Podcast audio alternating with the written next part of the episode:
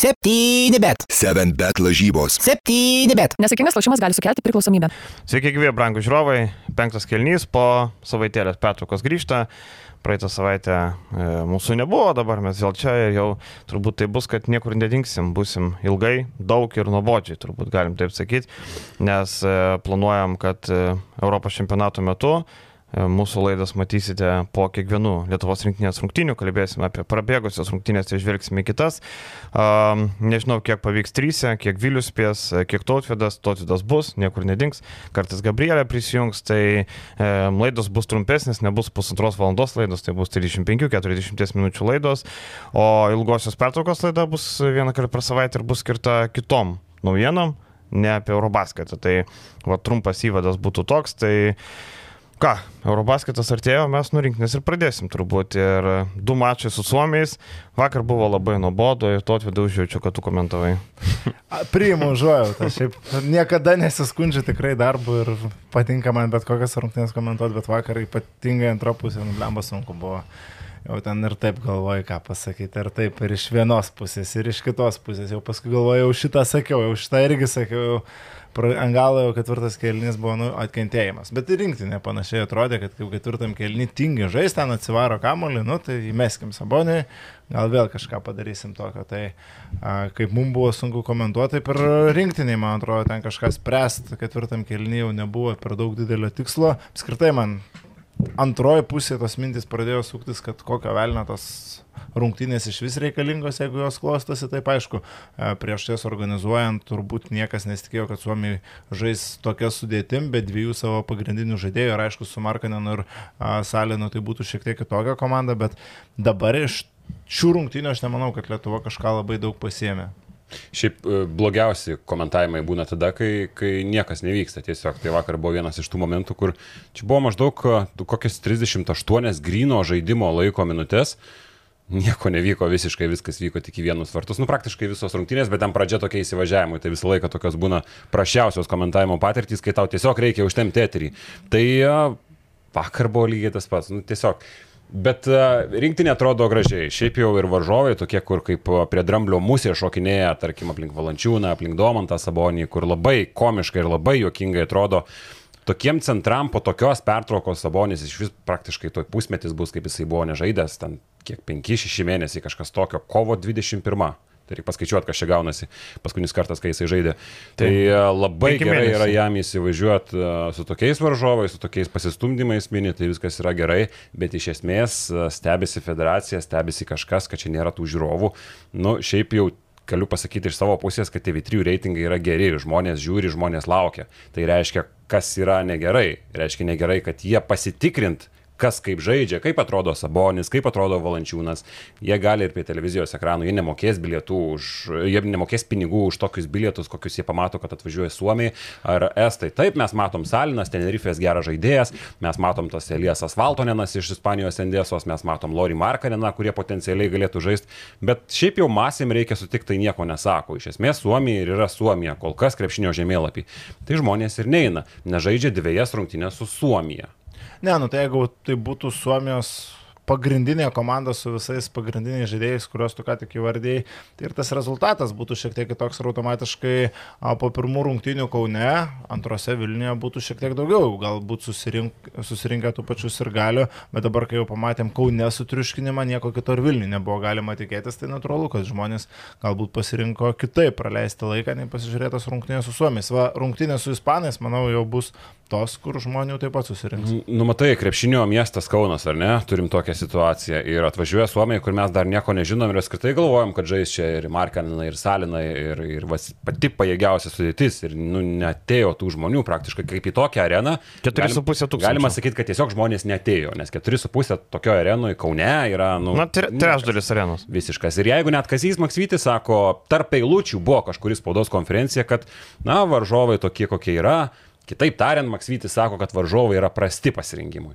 Tai realybė yra tokia, kai tu pasižiūrai, su kuo žaidžia prancūzai, žais serbai, ispanai, graikai, nu, jie turi rimtus parinkimus. Aš, nes, aš šiaip net nežinau, kokia yra laiminti formulė. Kažkada anksčiau prie Kazlausko buvo tos didelės diskusijos, uh, su kuo geriau žaisti, kaip geriau dėstyti pasiruošimą, ar geriau stipresni varžovai. Atsimenu, po vieno uh, vasaros ciklo, kuomet buvo labai stiprus varžovai pasirinkime, rinktinė pasirodė kažkur pakankamai prastai, tai neatsimenu kur. Tai tos laiminčios formulės aš nežinau. Bet, nu, nesistebėkim, kodėl tribūnos tuščios, nes varžovai tokie, kokie yra. Bet e, ar negali žmonės ateiti pasižiūrėti Domanto Sabonio, nuo Valančiūno, nu ne kiekvieną dieną tu juos matai Lietuvoje, tai kažkaip Kaune liko vienerios rungtynės dar sužaisti iki Europos čempionato, tai ką tada 15 tūkstančių ir galių susirinks visi į tą mačą. Dar vienas dalykas yra tai, kad rūpiutis yra praktiškai, man atrodo, tas mėnuo, kur atostogos yra žmonėm uh -huh. aktyviausias. Šiaip jau, pavyzdžiui, Vokietijoje, kokio jeigu paėmus, tai irgi praktiškai gamyklos užsidaro ištisos, nes visi atostogauja. Tai, tai aš nežinau, ar čia labai tinka tas pavyzdys, bet akivaizdu, kad vasarą geras oras daro savo, o kad e, lietuviam, e, nu, įdomu intriga, nėra Sabonis, nėra Valančiūnas. Mes matom, kiek žmonių tai yra įdomu. Ir čia mes dar kartą atsirėmėm į tai, kad o čia mes žiauriai krepšinio šalis, nu tai Galima skaičiais iliustruoti, palaukit, Hebra. E, tarkim, Vilniuje 2782, nu labai mažai. Praktiškai, jeigu džipė žaistų, būtų džipė arena būtų tilpė. Ir čia dar vienas momentas galbūt pasvarstyti, kad į mažesnius miestus tą rinktinę labiau apsimoka vežtėm kontroliniam mačam, tą langų rinktinę, tarkim, matėme Lietuvoje. Trys su pusė. Bet pagal pagal tos arenos mastus, pagal to miesto mhm. skaičius, tai jau yra neblogai, taip pačiai klaipėdai ir ta atmosfera buvo šiek tiek smagesnė, kai arena mažesnė ir tų žmonių atrodo gausiau, tuo tarpu, nu, Žalgirio arenoje tas uždarytas trečias aukštas ir ASG arenoje pustuštis pirmas atrodo tikrai nekaip, atrodo, kad žaidžia ne Lietuvos rinktinė, o vyksta, nežinau, Lietuvos krepšnio lygos eilinis mačas.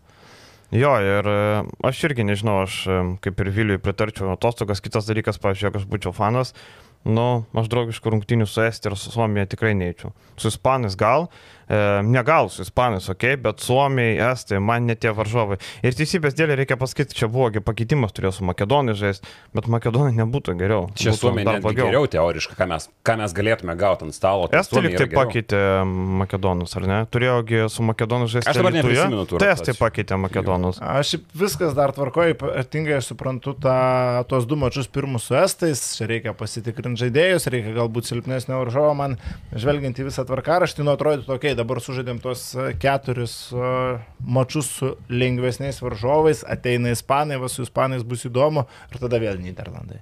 Nu kokią vėl net tie Niderlandai dar reikalingi pagal reitingą prašiausiai vertinama Europos čempionato komanda. Ką tas mačas vėl duos Lietuvos rinktinė? Aišku, aš suprantu, kad nėra lengva susirasti lygių šparingo varžovų, bet aš kartais įsivaizduoju, kad galbūt net gera treniruotė yra naudingiau šią akimirką, nei kad ten rungtynė su Niderlandais. Nu, vakar, ką mes pamatėme, aš net nežinau, ar čia mums verta kažką labai plačiai aptarinėti, nes, nu, čia buvo konkrečių žaidėjus galėsim. Buvo toks labiau, aš nežinau, nu, kaip Kazys Maksvytis sakė spaudos konferencijoje, nu jau mes ir su savim pradėjom kovoti, nes jau ten, nu, tas vaizdelis 12C prieš 6A, nu, visiškai baisu. Ir su tais varžovais e, rinktinė matyt pasirinko tą dalyką, kad viską žaisim namie. Ir todėl varžovus, na ką, tu turi prisikviesti. Ispanai pas tave, jūs apsimainėt vieną ten, kitą ten. Pasikviesti kitą komandą labai sudėtinga. E, tos komandos irgi, kai kurios namie nori žaisti ypač stipresnis.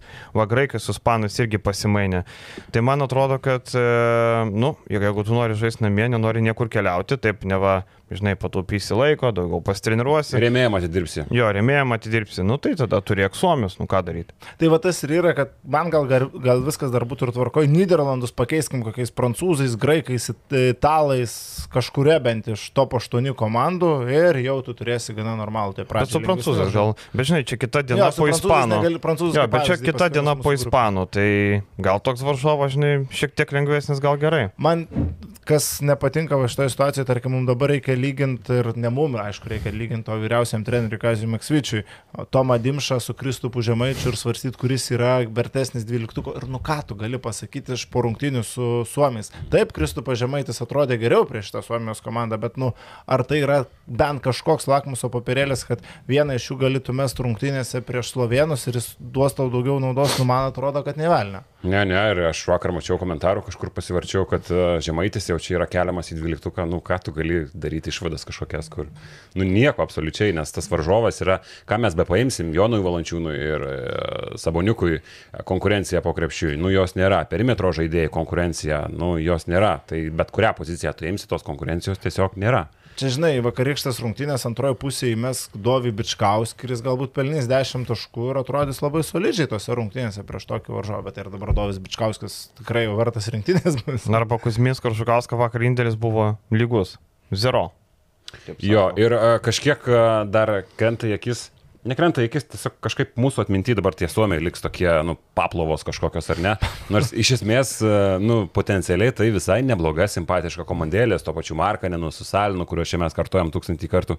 Tai, tai va tik gaila, kad jie taip a, net neužsimotivavo, sakyčiau, sukovot kažkaip, a, kažkaip nuo pat pirmo kelnio. Tai aštuntfinalio Europos čempionato komanda, ten žiūrint į tą grupę, jie aštuntfinalį išeis, o toliau jau sunkiai. Nu, klausyk, kas yra paplovas? Aš tai paplovą vadinu tokią kavą, kur būna tokia nelabai kava, tokia skiesta, tokia, kur, nu, negertum išmeti lauk. Kaime pas mus būdavo, kur dažnai pas močiutę vasarodavau, tai būdavo, kur, man atrodo, kad uh, kibirių nuplauni Taip, tokias ž- Va, labai panašiai. Tai čia labai- Pasiimi skudurą, plauni grindis ir kur tą skudurą grėžitas va vanduo visas, tai va čia va yra. Nu tai papalas. arba bloga kava, aš blogą kavą vadinu paplovom, sakau, kas čia per... Atsimenu, kažkada buvo e, karalius Mindogo taurės turnyras Šyzerio arenai ir ten tokias paplovas davė, atsimenu, ateinu ryte noriu kavos ant paplovos, ne kava, tai, tai vat, e, labai, labai gerai tinka.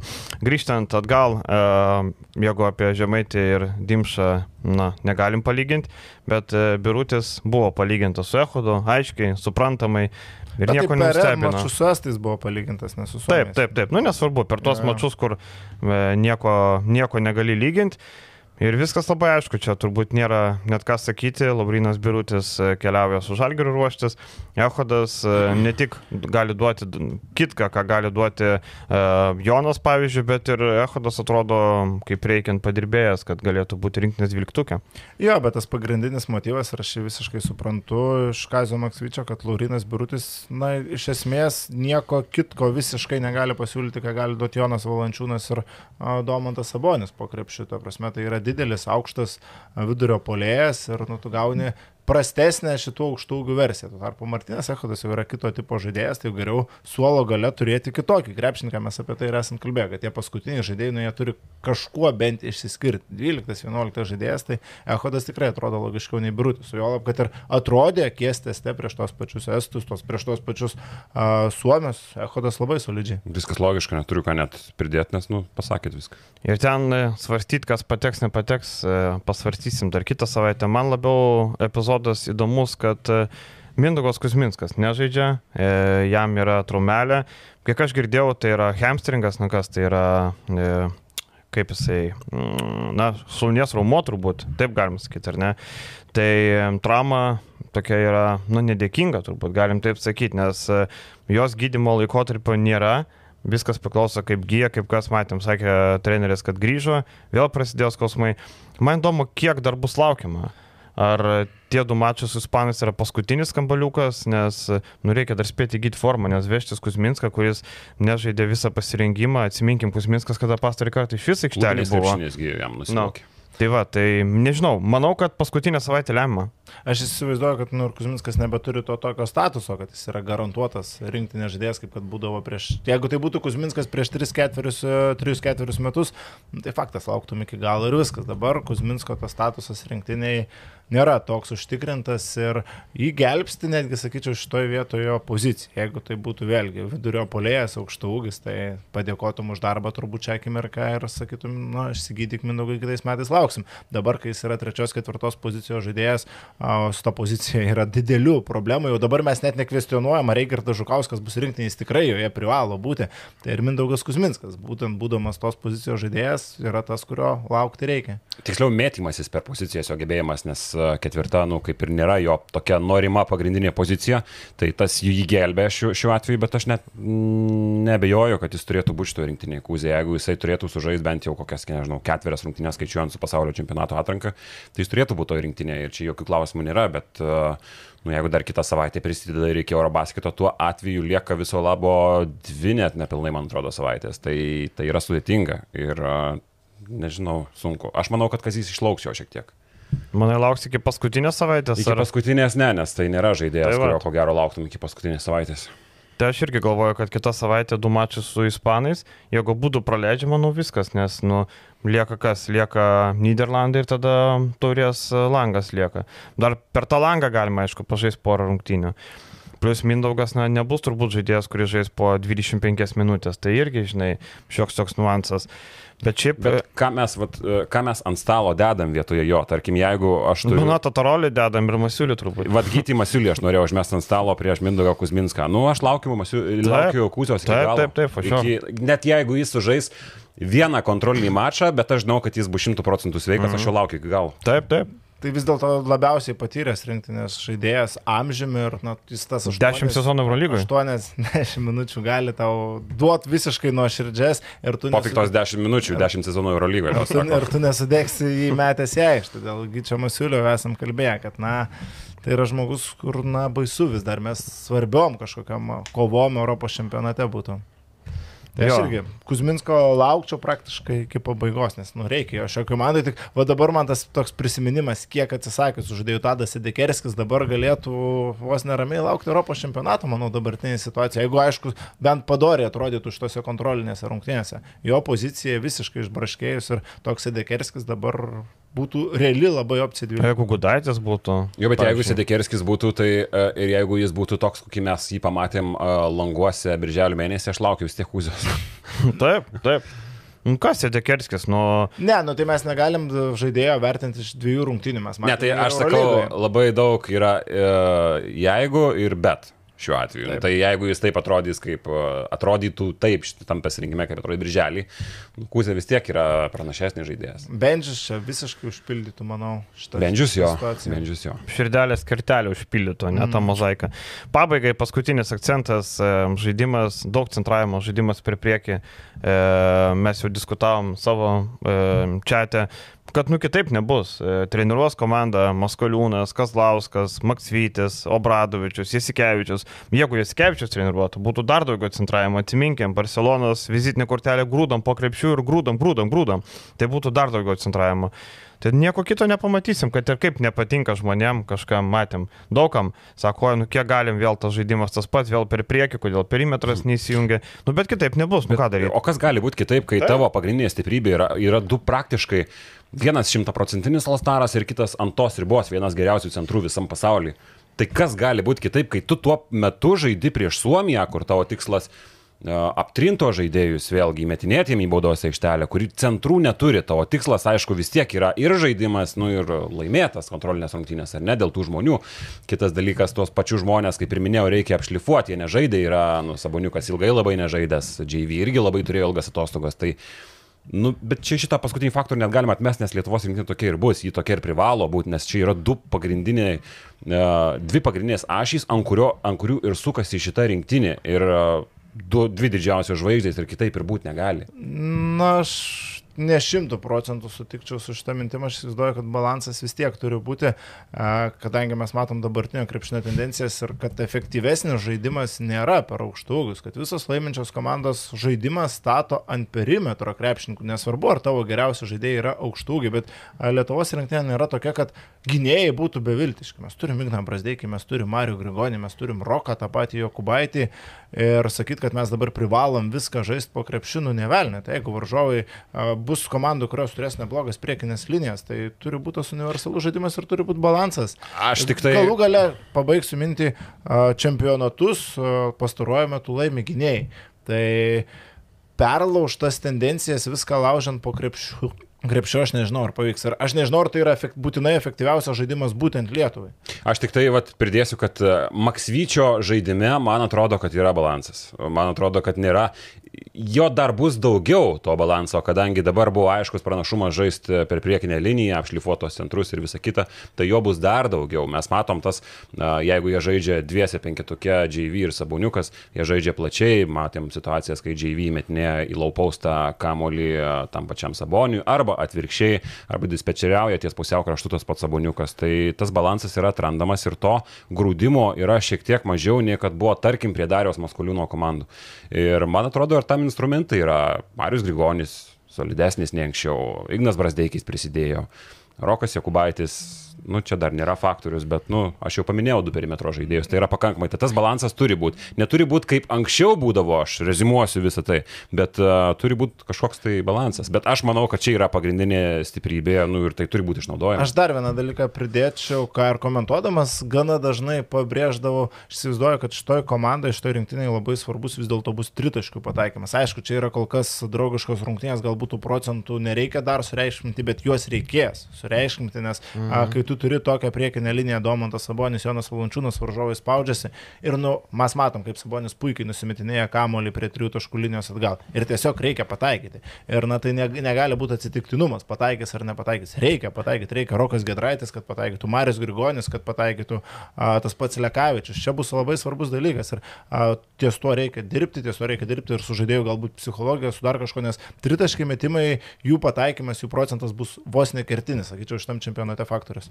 Ir e, čia galima pasakyti, kaip, e, kaip galvoja treneriai. Vat e, mes su Mariam šią savaitę kalbėjom, buvo žmonių klausimas, kodėl jaunimo rinktinė žaidžia taip paprastai, statiškai, kodėl daug vienas prieš vieną su Murausku. Paprastas paaiškinimas. Sako, Murauskas yra individualiai geriausias žaidėjas lygoje, toje, tame čempionate. Jisai buvo rezultatyviausias. Tai jeigu tu turi rezultatyviausią žaidėją, kuris gali bet ką apžaisti vienas prieš vienas, tu ir žaidži taip. Tai viskas paprasta, tokia logika ir rinktiniai. Jeigu yra Sabas ir Valančiūnas, kurie gali sulaužyti bet kurį varžovą, turbūt jeigu žiūrėti Eurobasketo sudėtis, Rudy Goberas turbūt vienintelis yra tas žmogus. Jokičius, Poirė, bet Jokičius gynyboje pakankamai softas yra. E, Poirė dar gali atstovėti su savo didžiulė jėga. Tai ta pati prancūzija. Jo, ta pati prancūzijos rinktinė. Daugiau neturime tokių centrų, kuris atstovės. Tiboras Plaisas, Sertačio Šanly, graikai iš vis be centrų gali važiuoti, jeigu Papajanis nepasveiks. Įsivaizduot, graikai neturi nei vieno centro.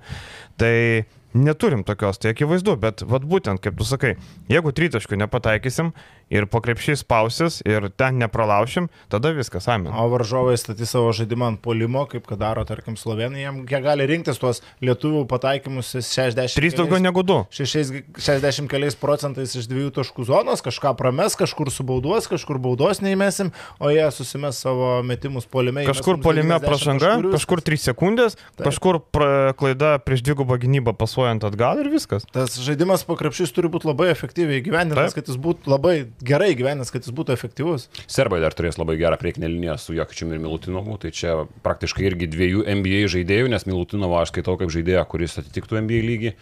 Uh, tai čia, bet atsimenu, prieš trejus metus, 2019 pasaulio čempionate Lietuvos rinktinė turėjo net labai keistą šiaip jau pasakyti, bet uh, geriausia priekinė linija visam pasaulyje, taip galima traktuoti, nes amerikiečiai tokios priekinės linijos neturėjo.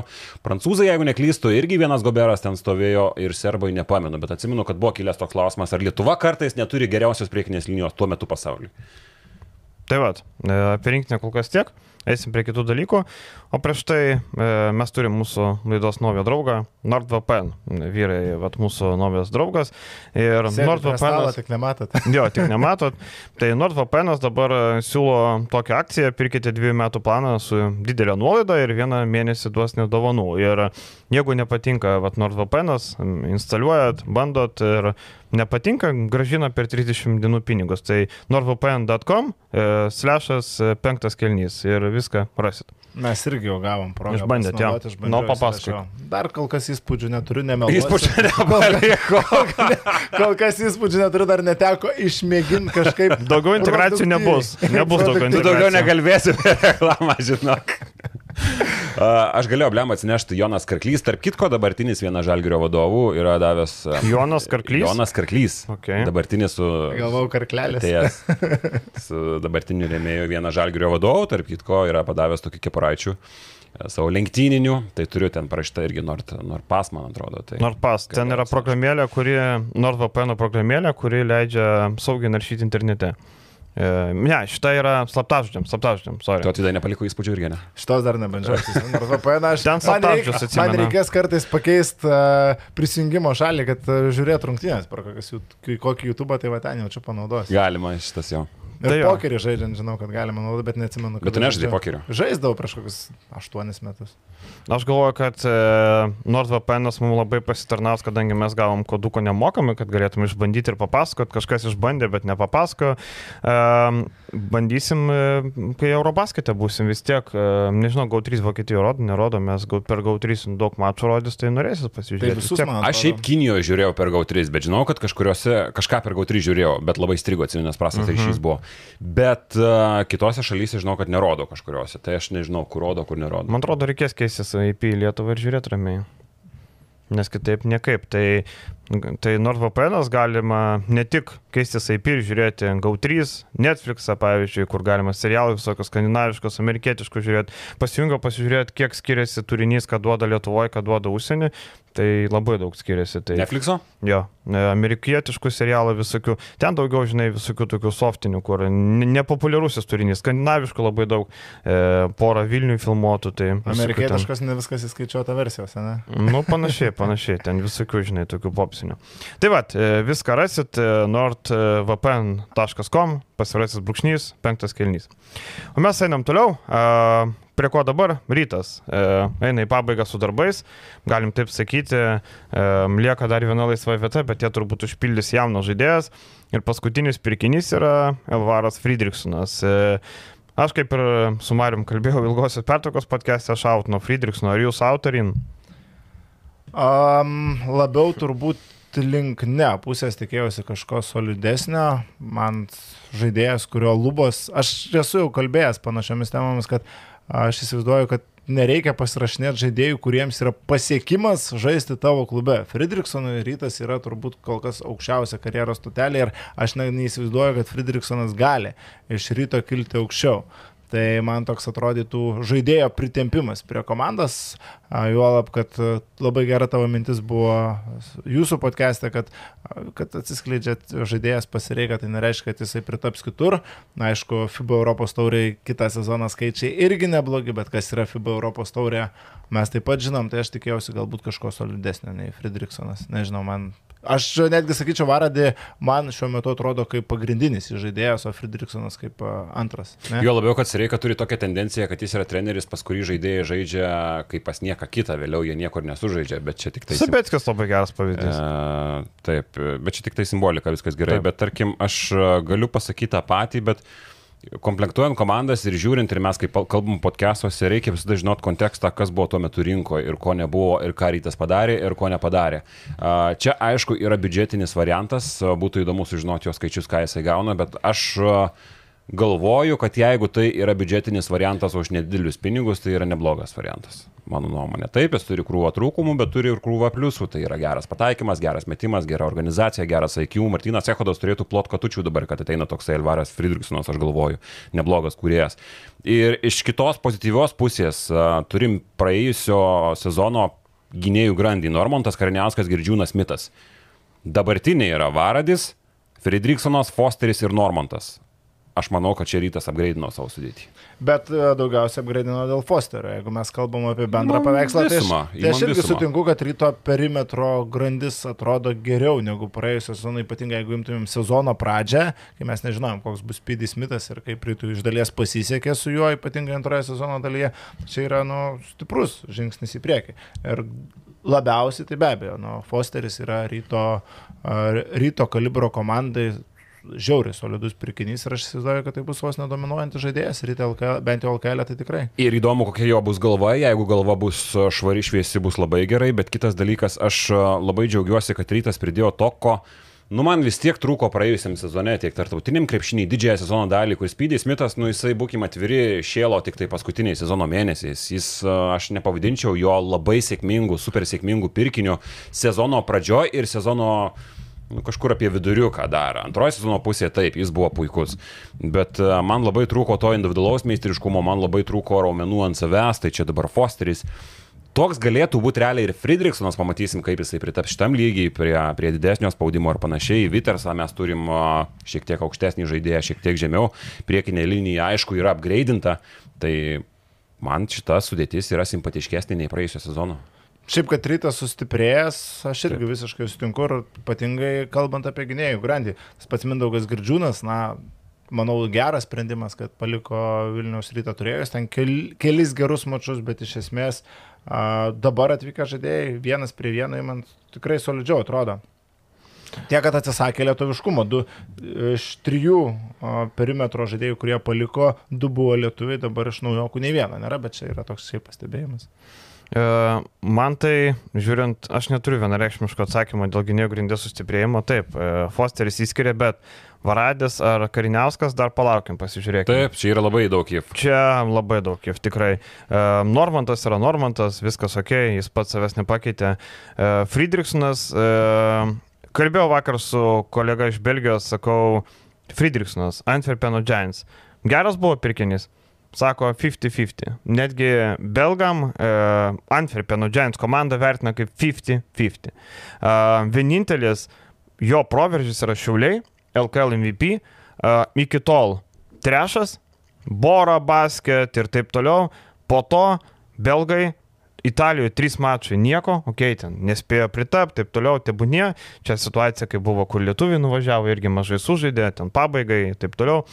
Bet e, nežinau, e, kaip atrodys tas startinis penketas. Fosteris eina su Normantu, Varadis eina su Fosteriu. Na nu, čia dar neatsakytas klausimas, bet kas man patinka, žiūrint į ryto sudėti, kad a, permestas a, krūvis, permesti pinigai ir a, komandos lyde, lyd, lyderiai, turbūt taip reiktų sakyti, iš aukščiau, ta prasme, iš Arno Butkevičiaus, iš penkto numerio Ivano Buvas, daugiau į perimetrą. Mano akimis tai tikrai daugiau investuota pinigų šiemet būtent į gynėjus. Fosteris tikrai turėjo kainuoti gerokai daugiau negu prieš tai buvę gynėjai. Ir tas... Fosteris apie 200 kainuoja. Tai va būtent, čia yra Arno Butkevičiaus pinigai. Tai vietoj trečios pozicijos žaidėjos e, už tokius pinigus pasimtas pirmas, antras numeris. Ir čia yra a, teisingas, mano nuomonė, visiškai ryto žingsnis, ypatingai, kai tu trečiam numeriu turi tą patį gyti Radzevičių išsaugotą ar Luką Ulecką. Tai man logiškesnė ryto sudėtis atrodo dabar ant popieriaus, nei kad atrodė pernai, kur perteklius trečioji pozicijoje, priekinė linija apskritai būdavo, kad vienas žaidėjas iškrenta ir ten jau nieko nebelieka, Valdas Kairys galiausiai sezono pabaigoje buvo pasirašytas, po to buvo Marko Teičių reikėjo pasirašyti sezono pradžioje, nu pernai buvo daugiau bardako, dabar aš žiūriu pagal pozicijas, aš žiūriu pagal pasiskirstimą, man viskas atrodo logiška. Nėra čia super jauna komanda, nes labai daug jau patyrusių žaidėjų, tas pats Ehodas, nu jam 24, bet kiek mes galim sakyti, kad jis jaunas, jis jau nebėra jaunas žaidėjas. Man bet kai esmės 31, tai 24 yra labai jaunai skamba. 31 metai vyriausias krepšininkas yra Valdas Kairys, tai vėlgi toks pastebėjimas, kad nusikabinti visi veteranai praktiškai ir tokia labai veržli komanda turėtų būti ir greitą žaidimą pagal žibėną žaidžianti komanda. Man patinka priekinė linija, tikrai penki aukštaugiai, kiekvienas gali duoti skirtingus dalykus, Džervisas per dvi pozicijas. Dar apie Friedrichsoną baigę norėjau sakyti, kad teks liepti gynyboje. LKL būdavo labiausiai atakuojamas gynėjas iš visų. Dar vakar specialiai pasižiūrėjau Synergy, kiek būdavo jisai traukiamas į susikeitimų gynybas, kad tik tai jisai būtų, kiek buvo per pick and rollą mušamas. Friedrichsonas yra labai labai atakuojamas, tai teks liepti jį, ypač FIBA čempionų lygoje čia kas be ko. LKL irgi matėm, e, kad fetišas ant labai aukštų žaidėjų, visi, tarkim, Lietkabelio abiejų, abu žaidėjai virš 1,93 cm ir taip toliau, ar ne. Tai man priekinė linija labiausiai patinka, e, Todas Vitersas, e, man labai įdomus pirkinys, jeigu nebūtų Fosteris, man Vitersas būtų be neįdomiausias pirkinys, e, iš užsieniečių, aišku, bet Ehodas su Masiuliu man yra labai, labai irgi geri susigražinimai tokie. E, Na, nu, o- Gytis atėjo pirmą kartą, taip, Ehodas e, sugražintas. Tai Vytas atrodo geriau, e, įdomiau negu praeitą sezoną, bent jau sudėties prasme. Šiaip je, jeigu dar įsterpsiu, uh, dėl to dydžio Friedrichsono tai taip, nes jis visiems yra įstrigęs LKL istorijoje kaip labai mažiukas žaidėjas, labai greitas žaidėjas. Ir panašiai, tai akivaizdu, kad jį reikės liepti, bet uh, kitas momentas, kad toks žaidėjas uh, Vilniaus ryto sudėti yra vienintelis. Vienintelį žaidėją paslėpti uh, nėra labai sudėtinga, jeigu tu moki tai padaryti. Nes tarkim, kitas žemiausias sudėties žaidėjas ir tai yra tik tai Markusas Fosteris, kuris yra 1,91 m, tai tų augalotų, atletiškų, pakankamai aukštų, fiziškai stiprių ant kojų žaidėjų yra tikrai daug.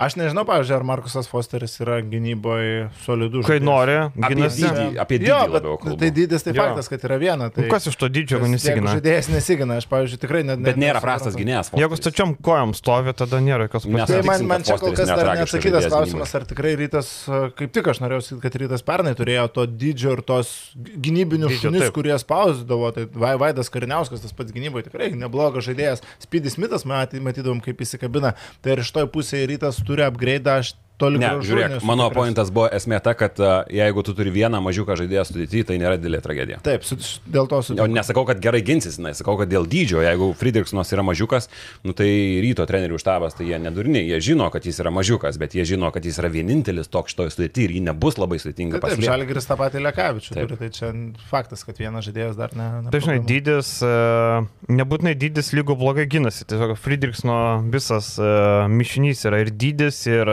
ir darbas gynyboje irgi nėra. Taip, jis gali paspausti varžovą su kamoliu, bet e, ties pirmą užtvarą jisai lieka, lieka toli už nugaros. Tai čia yra dalykas. Ly yra pavyzdys toksai, kad jis yra būdamas labai mažytis iš Monako komandos praeisį sezoną, kur žaidė, dabar perėjo į Pau. Būdamas labai mažiukas, jis gynasi tiesiog žvėriškai, labai gerai spaudžia kamuolį. kūnas biškiai toks negu Friedrichsno. Bet kūnas irgi, aišku, kitoks, bet tarkim, kalbant apie ūgį, nu, kiek jisai, metras 80 kažkas. Ten kažkeli jo, bet koks, koks kūnas, koks tvirtas, svorio centras, kaip kojos dirba. Galim taip lygiavertiškai perėti prie Vulsų. Vulsai praktiškai irgi baigė darbus, dar turės įsigyti vieną vidurio polėją. Dar Tomas Pačiasas nepaskelbtas jaunesnysis, aišku. Ir startinis penketas Vulsų man daro įspūdį. Ahmadas Keiveras, toliau eina Adas Juškevičius, Eigirdas Žukauskas, Hugo Invernizės turi būti, ar ne? Čia ne italas, nereikia vietoj ZC sakyti, ne? Tai startinis penketas labai solidus. Gal kažkiek klaustukų gali būti dėl suolo, ar ne? Matom nuo suolo Vitalijos Kozys, Arnas Berčka, Mindaugas Lukauskis. Um, Regimantas Minėtas, ok, Kristupas Žemaitis, ok, e, bet e, LKL kovom e, ta sudėtis dar vieną centrą pridės kažkokį, nežinau, kokiai, kokiai, kokiai roliai, e, bet šitai, šitai lygai LKL sudėtis labai solidi, ar ne? Aš apie tą Invernizį šiek tiek, nes aš jį Mhm. kažkiek, kažkiek esu matęs apie Keiveras, ne, aš jo nesu matęs Keiveras. ir aš jo nežinau. Nežiūrėjai? Ne, Ne. Ta prasme, iki pasirašymas su Vulsais, tai niekas jo turbūt nebuvo man. Jo, jo, jo, tai va, aš apie tą matęs. turiu omeny. O Invernizį aš kažkada esu matęs, tai įstrigė žaidėjas, kuris neturi visiškai nieko bendro su greičiu, visiškai neturi nieko bendro su atletiškumu, bet ranką turi gerą, metė, net sakau, tam pačiam Nanterė po stebeku tos savo metimus. Ir Strasbūrai jis yra žaidęs. Yra? Yra. Tai, tai bet mes kalbam apie pastaruosius bet metus. Strasbūrai yra žaidęs. Seniai. Mm. Ir a, tarptautiniuose sezonuose, kurių jis turėjo penkis ar šešis, jeigu neklystų, jis nei viename iš jų nemetė tritaškių mažiau nei 41 procentų tikslumu, kas yra žiauriai solidu. Tai, a, tai daug ką pasako apie jį. Pagrindinis a, jo dalykas, su kuo jisai uždirba savo duoną, yra metimas. Taip, ir e, tam jis yra įsigytas. Ir labai įdomu, kaip e, Rimas Kurtinaitis e, sustatys žaidimą. Dar įdomiau, kaip seksis ruoštis, jeigu, pavyzdžiui, na, okei, okay, Eigirdą jau skaitom, kad jisai žais rinktiniai, o Žemaitis irgi yra, tai pam ant pam, tai be dviejų žaidėjų net garastų taurę gal laimėti bus sudėtinga, ne? Matėm, kad O garastų didžiausia taurė intriga grįžta. šitos komandos a, pačiesas trečias, palaukit. Aš net nežinau. Pačiasas, pačiasas yra žaidėjas be pozicijos, jis all around, nu jis žaidėjo iki trečio numerio. Čia kaip Janis. Tai tada būtų... Geras Kas palyginimas. ar ten ta kumpo. Nu, su Lukauskiu gal pasiplėšys dėl daugiau minučių, ką žinau, kaip sakot. Kiek, Kas? kiek minučių gali gauti pačiesas? Pačiasas? Zero.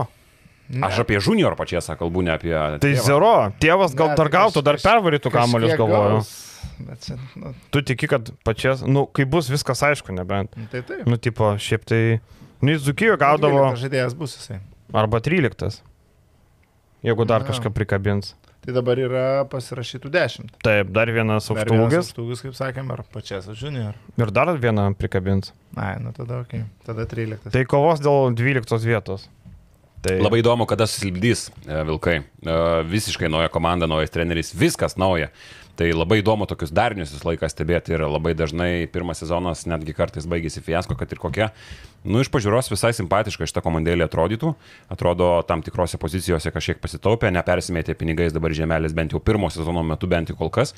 Bet kada juos Rimas suguldys į vieną vietą? Labai iš tas įdomu. Ar jie, aišku, rugsėjai jie turėtų straglinti kažkiek galbūt, arba kažkur tas nusėdimas turėtų būti, bet kada, kaip visa linija štais man didžiausias įdomumas yra. Bet aš prisipažinsiu, aš tikėjausi kažko šiek tiek įspūdingesnio. Taip, sudėtis nebloga, bet, kaip tu sakai, kad geresnė šiuo metu bent jau Sarins penketas nei ryto, tai aš taip užtikrintai to nesakyčiau. Man rytas atrodo šiai dienai kol kas daro logiškai geriau sukomplektuotas ir turintis galbūt daugiau talento, ypatingai kalbant apie atsarginių žaidėjų solelį. Apie lietuvius. Li, lygesnė sudėtis, su ryte nėra nei vieno žaidėjo, kur sakytumėm, kad, nu, ką jis čia gali duoti LKL lygiu.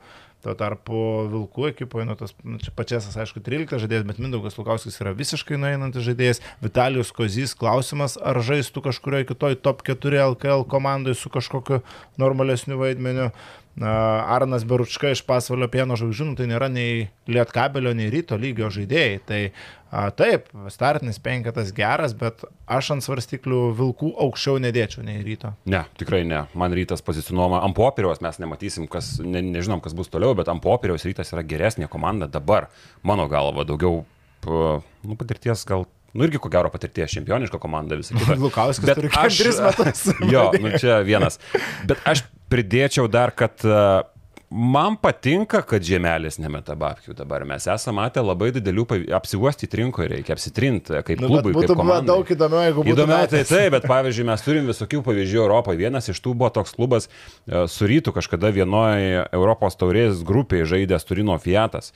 Prisiminkim, kad Fiatas metė didžiulės babkis ir jie prisikvietė absoliučiai randominius vardus.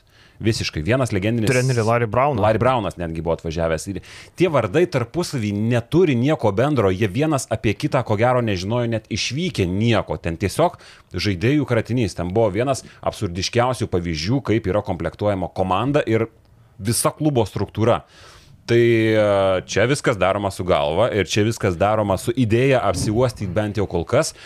Ir tuose pirkiniuose aš matau idėją. Ir čia, aišku, Algis Bružas yra savo vietoje. Tai žinai, galima daryti ir idėją, ir pinigus, tai ne, nebūtinai, kad jeigu mes daugiau pinigų neturės idėjas, bet uh, sutinku, kad komanda surinkta logiškai, uh, ypatingai pasirašymas lietuvių, bet aš kaip ir sakiau, Nu, pagal visas kalbas, pagal visą klubo statusą, aš tikėjausi ne FIBA Europos taurės ir ne Mindaugo Lukausko, Vitalijos Kozo ir Arno Beručkos. Tai Tik Bet kad uh, žmonės dabar nesakytų, kad uh, mes kaip brūžas tik tai išėjo, čia pilam uh, tik tai gėlės ant šito klubo, tai pridėsiu vieną savo tokį inteiką iš atstovo spaudai atsiųsto pranešimo, kad Žodžiu, mūsų tikslas užkurti didžiulį ryšį su Alitaus fanų bendruomenė.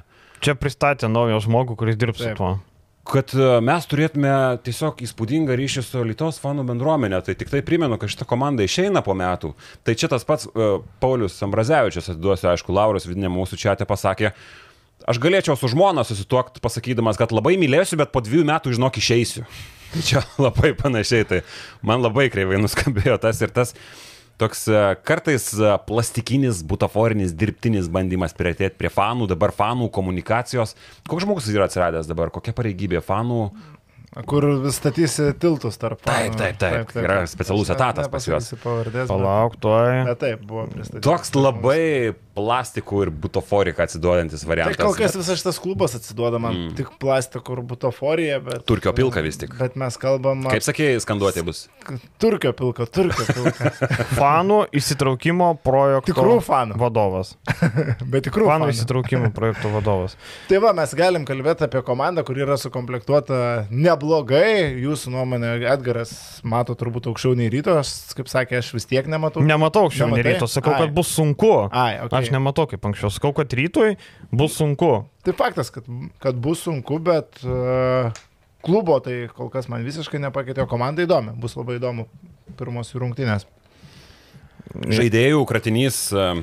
Ne, kratinys netinkamas žodis, nes toks pašiepintis. Žaidėjų, darinys. Žaidėjų rinkinys, darinys man patinka ir, ir krepšininkai, ir klubo personalas man tikrai kelia įspūdį ir patinka, o klubas, nu, čia kiekvieno požiūris yra, čia fanų labiau gal reikalas palaikyti, nepalaikyti. E, kaip tik galim likti prie LKL.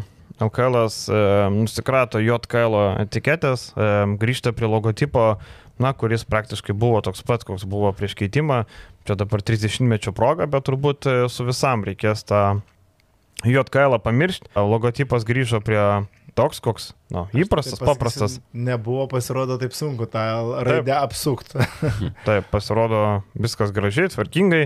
E, dings gal tas e, JKL, nu kai kurie dar vis dar vadinti JKL. Man bet... tai čia toks biški buvo, kad galėjo ir, nu, nebent Milašius pripažino, nes ten viskas nuo Milašiaus prasideda, kad e, kažkas buvo nepasisekę, bet, ai, man logotipas yra toks... Uh, antiek nereikšmingas dalykas, nu jau antiek nesvarbus, kad... Uh, nu, kaip nesvarbus? Visos įmonės, visi pasaulio brandai labai... Bet ar jis buvo... Kiek dėmesio skiria? Ar jis buvo labai baisus? Kiek investavo? Ar jis buvo labai baisus? Jis aš visiškai nesigilinsiu į tuos, žinai, dalykus uh, gražus, negražus ten dizaino detalės, bet jeigu aš skaitau JKL, no. o ne LKL, tai man yra blogai. Užsienietis pamatęs tą logotipą skaitys JKL, ne LKL. Man iš mano pusės, aš nežinau, kaip, kaip kažkam atrodo, iš mano pusės tai buvo absoliučiai perspausta ir tie jokeliai, kur mes irgi darom QA sesijas kažkokias ir komentaruose apie LKL klausė, JKL kažką, nu man mhm. jau ten baigėsi, ten jis... Nu, ne, nu, tai jokinga, tai buvo pirmus porą mėnesių, gal pirmą mėnesį.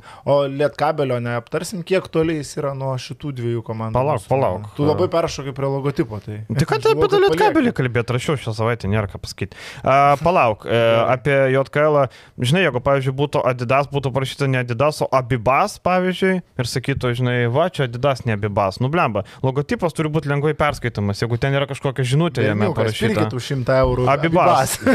Abibas, čia originalus iš Turcijos parvežiau. Pirk striukę. Turkio geltonas. ja. nu, kiek tu gali tą padelį dročinti? Atsiprašau. Nu, po to žmonėm per ausis duos ne, labai. Duos. Dar vienas dalykas, vat, pats Tautvidas iškėlė šitą, pats galės ir pradėti. Sekmadieniais 19.10 bus rungtynės per televiziją, čia tokia naujovė. Dabar sekmadieniais matysim ne vieną televizinę transliaciją, o dvi. Uh, įdomus dalykas, uh, man patinka, aš pritariu, O Tautvidas sako, kad žmonėm neįsirena. Tautvidas sako, eisiu pas Milašius su šakėm, nes, nu, Okay. Man atrodo, savižodžio diršą minėjo kažkokia ja, ja. sprogmenis. Identiškai taip prašiau ir netgi 19.10, jo, aš galvoju 19.30, bet 19.10 vis tiek yra vėlus vakaras. Aš... E, tai išmeta rungtinių ginčių 19.30, 19.10 studija. Taip, tai 19.30 yra rungtinių pradžia. Aš nesakau, kad tai yra blogai ar tai yra gerai, man tik tai aiškus pasirinkimo motyvas, kad tai yra patogus laikas televizijai, sekmadienio vakaras 19.30 žmonės namie ir žiūri rungtinės. X Factor tuo metu rodo. Jo, tai va čia va Per TV3. Bus, bus minusas jiem, bet uh, faktas, kad tai yra laikas su šeima prie TV. O ar tai yra laikas eiti į rungtynes, vargu. Tai čia man toks tiesiog parodimas, kad uh, televizijos žiūrovas yra statomas aukščiau žmogaus, kuris eina į rungtynes. Nes, nu, uh, nemažai Lietuvos krepšnio lygos uh, klubų yra miestuose, kur daug sudaro studentai, ten ta pati Klaipėda, Šiauliai, Panevežys. Nu, kiek panevežėčių sekmadienį 19.30 eis į rungtinę su kėdainiais. Pasakysiu, kad nei vieno mačo Lietkabelis neturi sekmadienį 19.30. Nu, čia yra visiškas pavyzdys, tikrai neanalizavau kiekvieno. Ne, tik šiaip, e, čia toks įdomus niuansas, kad A. būtent, aš vakar pasiskaičiavau, kad Garždai, Šiauliai ir Žalgiris dominuoja sekmadienį 19.30 rungtinėm. Tai va, Garždai yra puikus pavyzdys, kur žais palangoje, jeigu garžd, iš Garždų žmogus norės atvažiuoti pasižiūrėti, kaip jo miesto komanda žaidžia palangoje sekmadienį 19.30, jis grįž namo 11. Nu, kitą dieną į darbą, vaikam į mokyklą, tai mano nuomonė čia yra galvojama daug apie žmogų, kuris žiūri per televizorių, nes jis išjungs, atsigars paskui arbatos ir išeis, nueis miegot, bet negalvojama apie žmogus, kuris eina į arenas, nes tarkim, eiti į areną tinkamiausias laikas, jeigu savaitgalį sekmadienį tai yra, na, popietė, 14-15 val. šeimų laikas, aš įsivaizduoju toks, kad va pasimė abu vaikus į parankę ir nueini pasižiūrėti krepšinę. Ir grįžti 5-6 val. namo. Mažiem miesteliam nebus daug tokių rungtynių, kiek ten jau bus viena kita, aš įsivaizduoju. Tai, tai savaitę vieneros. Paskau, daug, e, daug e, žalgeris tuo metu žaidžia, šiauliai, garždai, vilkai, Vilkai irgi, bet e, išvykos labai daug kur. Bet man atrodo, kad viskas labai paprasta. Kai kurios miestus, ten tarkim, prienai, pasvalys ir tai žmonės neina. Tai geriau tegul per teleką rodo ir pamatys daugiau negu ore. Nu taip, neina. Koks skirtumas, kilinta ten valanda. Ne, nu tai požiūris, kad ar taip ar taip neina, tai čia, žinai, dzukijos požiūris, tai jeigu ar taip ar Bet tai taip neina, tai neleiskim, neparduoti, ne, net pandemija baigėsi, Bet vis žiūrėk, tiek neleiskim. Tai, žinai, lygai, lygai, negalima taip lygai mąstyt, kad pinigus, neina ar neina. pinigus generuoja tiesiog uh, transliacijos, rėmėjai ir visa kita. Jie nori už to uždirbti pinigus, nes uh, iš nieko kito daugiau pinigų ne, neišdirbsi. Pasižiūrėkime į NBA lygą. Viskas yra orientuojamasi į produktą, kurį mato žiūrovai, nes tų žiūrovų yra daug daugiau. E, kita sfera visiškai, Eurovizija yra absoliučiai visiškai analogija, kadangi niekam nerūpi, kas ten sėdi arenui, visiems rūpi ir duoklė visada atiduodama kamerai, žiūrovui. Tai lygiai tas pats čia LKL. -e. Nu, LKL yra išlaikomas iš dalies ir rėmėjų, tai turi dirbti rėmėjų. Bet čia ir galbūt parodo šiokią tokią problemą, kad klubai neuždirba nieko praktiškai iš bilietų, nes jiems Yra. panašu, kad nėra skirtumo, kada žaidžia. Bet iš tokių paprastų rungtynių neuždirbsi. Ir klubai turėjo Nu, tai gal kai kurie LKL klubai tik ir žaidžia paprastas rungtynės. Pasvalys nežaidžia prieš Nu, Barceloną. tai ne, tai aš ką ir sakau, pasvalys rungtynėse su garždais nieko neuždirbs. Tai sakau, kad sekretoriatui. Tai yra problema ir, ta prasme, tai yra akivaizdžiai parodoma ir kad nusišvilpti žiūrovą, kuris eina į rungtynes. Bet tas vakare, pats klubas gaunagi išmokas iš e, lygos prizinis fondas, o prizinį fondą formuoja tai televizijos transliacijos. Gerai, aš suprantu, kad pinigus uždirbs didesnius. Aš tik sakau, kad a, parodoma dar kartą, kad žmogus, kuris eina į rungtynės, yra antraeilis prie žmogų, kuris yra televizi... prie televizijos. Ar tai yra blogai, ar tai yra gerai, ar tai uždirba pinigus, aš neskau, aš tik pasakau tokį faktą, kad taip yra. Ir Ir pamiršau, ką norėjau pasakyti. Nuvažiuojam toliau. tai garždus nevarys kažkokį, kažkokį dar vieną, ne, tai, tai garžus tikrai ne. Jo, tai Tik to viskas. LKL darbai vyksta, Atotvedas labai norėjo apie Lietkabelį padiskutuoti, kiek jis yra toli arba arti ryto ir e, Vulsų. Nu, tai Atotvedai reiškia.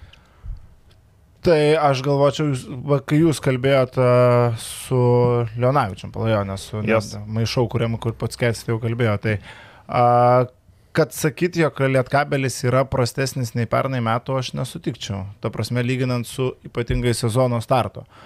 Man atrodo, komanda sustiprėjusi prieš tą, kur Na, pradėjo sezoną. argumentuok. Stefanas Peno, gynėjai, kaip pagrindinis žaidėjas, yra labai gerai. Kristianas Kulomaja, kaip mes matėme, atrodė Estijos rinktiniai. O jis tau geresnis svarbu. už Žemaitį, Kuliamąją. E, Imant žemaitį toks, koks jis buvo prieš sezono startą, kokį mes įvertinom, manau, kad tai yra geresnis įėjimas. Ta prasme, mes atsiminkim, kad žemaitis atėjo iš Alitaus Zukijos, dar nieko neįrodė. Gerai, o Murauskas Liet- geriau už Panajotį. Murausko lubos yra labai aukštai. Bet tai mes Ar kalbame jisai, apie ar dabar. jisai yra, bet vėlgi, kokį Bet mes irgi Kalaidzak- Pan- Panajotis Kalaidzakis, kai atėjo į Lietkabelį, nu jis dar nebuvo niekas, jis irgi atėjo iš to pačio kadainių nevėžio. Mes Jis sakau, buvo sužaidęs pusę sezono Mes Lietkabelį. lyginankim, žaid, bet Lietkabelį vėl atėjo, atėjo iš kėdainių nevėžio. E, Taip pačiai kaip ir Paulius Murauskas ateina iš kėdainių nevėžio. Tai jeigu mes imam tos pačius žaidėjus praėjusio sezono startą ir šio sezono startą, tai aš nematau kažkokių didelių pranašumų. Taip, paskui ta komanda išsivystė, išsilipdė į labai gražų darinį, bet startinės pozicijos tai iš esmės buvo... Nu tos- gerai, o Benas Griciūnas? Benas Griciūnas taip yra blogiau, faktas. E, Gagičius. Bet man- Želko Šakyčius būtent- negu Gediminas Orelikas prieš sezono startą atrodo daug solidžiau. Ką mes gal, kalbėjome apie Gediminą Oreliką prieš prasidant sezonui. Po, sugrįžo į Lietuvą, pradėjo Šiauliuose, išvažiavo į Bosniją berots, sugrįžta į Lietkabelį ir maždaug ką čia daro Lietkabelis. Gynybai bus stovelis, visi darys, ką norės. Taip nebuvo. Dabar Šakyčius, kuris mes jau žinom, koks. Gynybo lygiai toks pats. Bet pol- polime mes matėm, kiek jisai gali daug duoti. Jau lietkabelį, jau aukštame lygiai, tuo tarpu mes dėl Gedimino Reliko toli gražu nebuvom tokie tikri. Tai man, kalbant apie šitą lietkabelį, tai viskas tvarkoja, atrodo. Apart to, kad tai priekinė linija atrodo daug silpnesnė. Man tai, e, man tai esminis reikalas, kad yra Panajotis buvo labai svarbus Lipkevičius pakeitimas ir papildymas antroji pozicija. Dabar nėra tokio žaidėjo. Morauskas yra labiau 4-3 negu 3-4, apie 3-2 net nekalbam. Rupštavičius niekada gyvenime LKL nedeliverino, o dabar jam reikės keisti Džemelą Morisą ir duoti e, duoti rezultatą. Nes tiesiog Lietkabelių trūksta dar vieno gynėjo. Jeigu būtų dar vienas ketvir, a, antras, trečias kaip panajotis, sakytume, super, tikrai viskas užpildyta. Bet dabar trūksta dar vieno to antro, trečio numerio. Vat būtent, nes kitaip Rupstavičius turi, plus Peno turi labai, labai prastą traumų istoriją. Nedaug dievė mm. Peno gauna traumą, tau yra kiberas, tu lieki su Rupstavičium, Džemelu ir Kiuliamąją.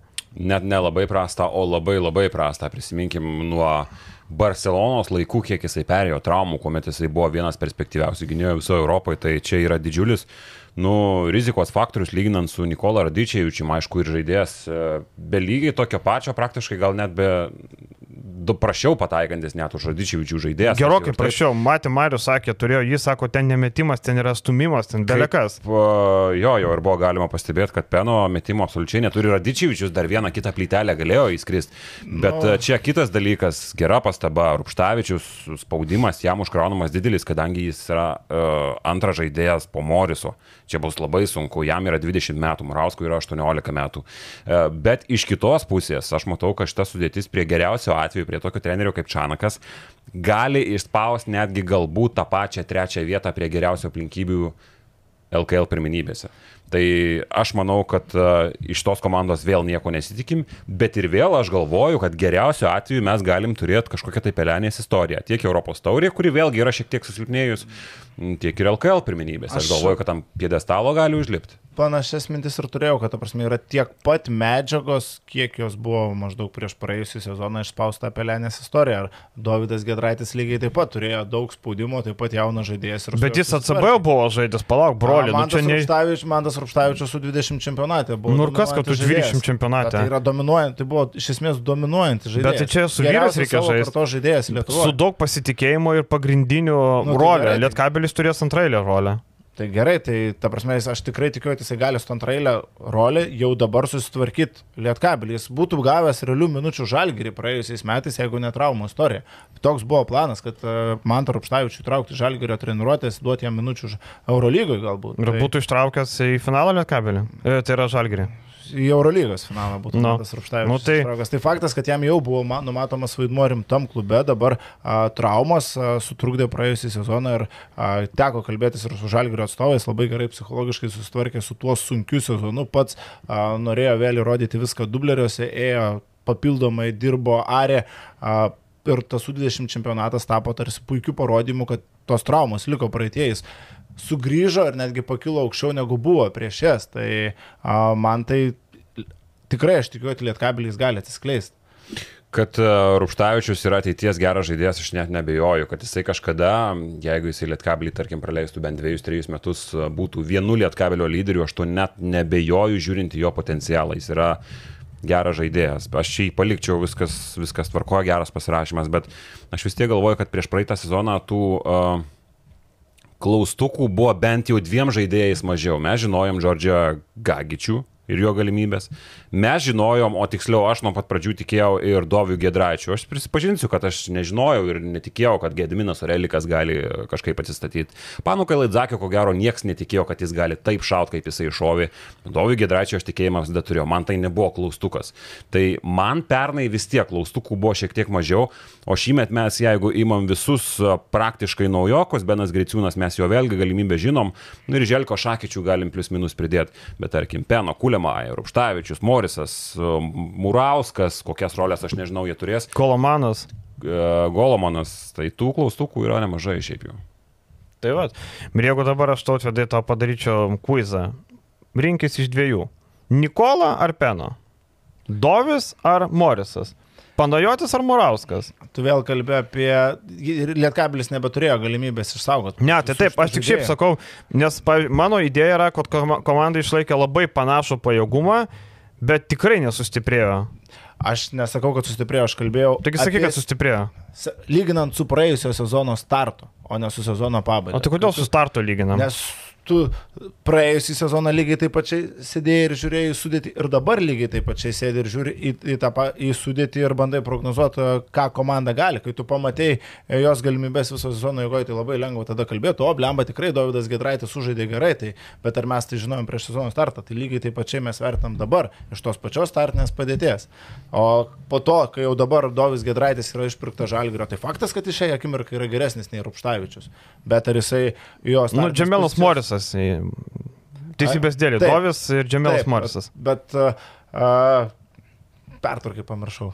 Karolis labiau ir Rupštavičius. Tai... Tuo labiau tai jau Karolis ir Nu. Rupštavičius, tai man čia Rupštavičius vieni. Bet matai, tada jie turėjo saugiklį. Panajotis padėdavo antroje pozicijoje. Dabar reiks nebus nieko, kas padės. Žinai, teks, teks pačiam. Aš tai kažkaip galvoju, kad e, tavo tą pasaky, pasakymą perskirščiau į dvi dalis. Aš nežinau, ar nenugridau, ar tu sakai sustiprėjo, nesustiprėjo, tikrai nesustiprėjo, čia faktas. Sakė, Ir galbūt- lyginant su ir, ir, ir startu. tikrai, jeigu lyginant su finišu ir dabar tai susilpnėjo, bet lyginant startą su startu, tas braižas ir pajėgumas liko panašus, plus minus. Bet uh, medžiagos yra labai daug, pritariu irgi su tuo. Uh, ir kitas dalykas, man šita komanda galbūt netgi, nu, man jį beprotiškai įdomi. Viena įdomiausių LKL atmetų žalgrį, aišku, tai Nu, Vilkai ir Lietkabilis, nes mes turim du labai stiprius talentus, Murauską, Rupštavičių ir vien tik to gana, tas pats Kuliamaja yra Peno, kiek jisai pritaps, tai čia tos medžiagos labai daug ir man šita komanda yra įdomesnė, kad sustiprėjus jinai kažkuo bent jau, ar net jau tokia pati, aš visiškai nesutinku, nes ji nėra tokia pati. Mes, va, būtent turim du be negeriausius savo kartų žaidėjus Lietkabelį. Tai Rupštavičius jautė su 20 ir Murauskas su 18, rezultatyviausias čempionato žaidėjas. Tai kad potencialą šitą komandą turi per sezoną pakilti su tokiu treneriu kaip Nenadas Šanakas ir ta, tas a, Tautvidas Sabonis kalbėjo, kad tas, tam pačiam Murauskui bus žiauriai naudinga padirbti pa Šanaką. Aš įsivaizduoju Rupštavičių lygiai taip pačiai. Kulomai, aišku, kiek mes galime vertinti už tų dviejų rungtynių prieš Lietuvą, bet nu atrodė žiauriai gerai. Tai lubos šitos komandos tikrai nėra žemiau negu pernai. Tie, kad LK rytas, mano akimis, yra stipresnis nei pernai, ateina Vilkai ir Lietkabelis netgi žaisdamas panašiai kaip žaidė pernai, būdamas tame pačiame lygyje, gali likti ir ketvirtas.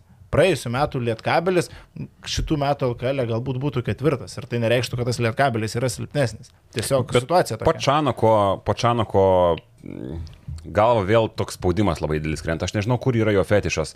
Ko gero, jis vasarą nu, negavo tokių pasiūlymų, kuriuos jis galėtų priminti, nes akivaizdu, kad jam reikia keisti aplinką. Dabar vėl jis pasiema ant savo galvos e, krūvą, nu negali sakyti, kad vaikų, bet labai daug žaidėjų, vėlgi mes pasikartosim dideliais lausukais. Ir vėl jam iš to reikės nulipdyti labai rimtą darinį. Ir jis čia neturi kitok, kito varianto. Dabar jeigu šita komanda neperformins, kažkas vėl suabejos uh, Čanaku, kažkas sakys, kad nublemba, čia gal nėra toks treneris, kurį jau mes čia iškėlėm, žiūrėkit, Lietkabilis jau nebėra toks. Bet čia yra didžiulis, nu reikia tai suvokti, kad čia yra didžiulis iššūkis šį iš tos komandos kažką padaryti. Nes vėlgi mes sakom, kad čia yra nu, krūva žaidėjų su nežinomaisiais. Kulima, Epeno, Morisas, du jaunuoliai iš Lietuvos, kurie turi didelį potencialą, bet kol kas profesionalų klubiniam krepšinį mes dar jų nematėm top lygiai.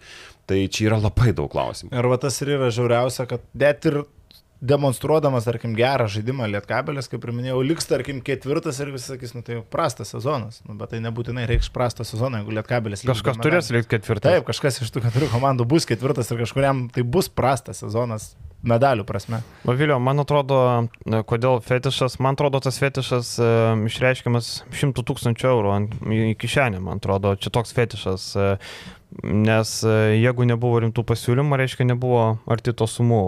E, tai 100 tūkstančių yra pakankamas argumentas dirbti su tokia medžiaga, kokią tu išvardė. Tai manau, fetišas lygų piniginė išraiška.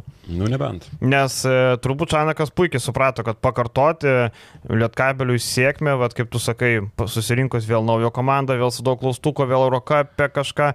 Ir, bu, Eurocapė tai vat, gali, manau, drąsiai. bet žinai, to, aš irgi lygiai taip pat pagalvoju, ne, nu nebėra tų tokių pavardžių, kaip, nu nebėra Partizano ten, ne, bet tos Valencija. kitos komandos, žinai, e, Valen, nu, Valencija, bet aš kalbu, kas buvo grupė, ne, Jo. bet tos kitos komandos nebūtinai yra lietkabelių taip lengvai veikiamos. Gerai, dabar Brešos Germanija, ne komanda. Nu, Partizanas gal atvažiavo padėjęs kersinį, žinai, o Brešo atvažiuos laimėti, nes jie reikia patekti kitą etapą. Tas pats Burgo, Breso, Džėlas, ne? Pa, pasižiūrėm, e, Ulmas, Ulmas. Gera komandėlė buvo. Mm. Frutis, vicečempionai, C9 Olimpija. Ne, tai faktas, kad prieš Tai Lietkabeliui nebus nelengva, bet Europos turi potencialą. Bet pakartot sėkmę, pakartot, kas buvo, yra gerokai sunkiau. Vėlgi mes prieinam prie to, kas yra sėkmė. Jeigu Lietkabelis sugebėtų, kad ir Lietkabelis pernai žaidė žiauriai gerai grupė, bet vis tiek iškrito aštuntfinalį, nes gavo virtusą. Tai patekti į aštuntfinalį, nu, tai pavyks pakartoti, aš įsivaizduoju. Taip, tai reikia aplenkti dvi komandas. Klužą? Bet dabar, nublemba, tas klužas. Ne? Nu, ne, tai aš nesakau, kad, nu tai taip, reikia aplenkti Kulūžą, bet palauk, e, Prometėjus ukrainiečių kokią sastavą surinko, pasižiūrėkit, Miro Bilonas ir taip toliau, amerikiečių kokie, tai tą patį apsirengti Prome- Prometėjo bus sudėtinga. Čia nėra komandėlė, žinai, iš, iš kaimiečių surinkta, tai e, tik tai pliusas tas, kad sutaupys ant kelionė, nes iki Rygos pavažiuoti, žinai. Džanas Kleivelas, DJ Kennedys, e, toliau e, tas pats Jusufas Anonas, kuris LKL žybėjo, Dustinas Hauk, e, Andrijus Bolvinas, Ronas Ginsburgas treniruoja, tai, na, Hebra rimta, kaip sakant. Tai, tas šerinis asistentas. taip, taip. Tai mes dar, žinai, apie tuos, e, apie tuos Eurokapus pašnekėsim, bet sakau, kad Dabar pakartoti tą pačią sėkmę sudėtingiau ir jeigu pakartosi vėl nebus tikras, kad gausi kažkokį super pasiūlymą, kuris vasarą tave e, iškels į kažkokį kitą klubą.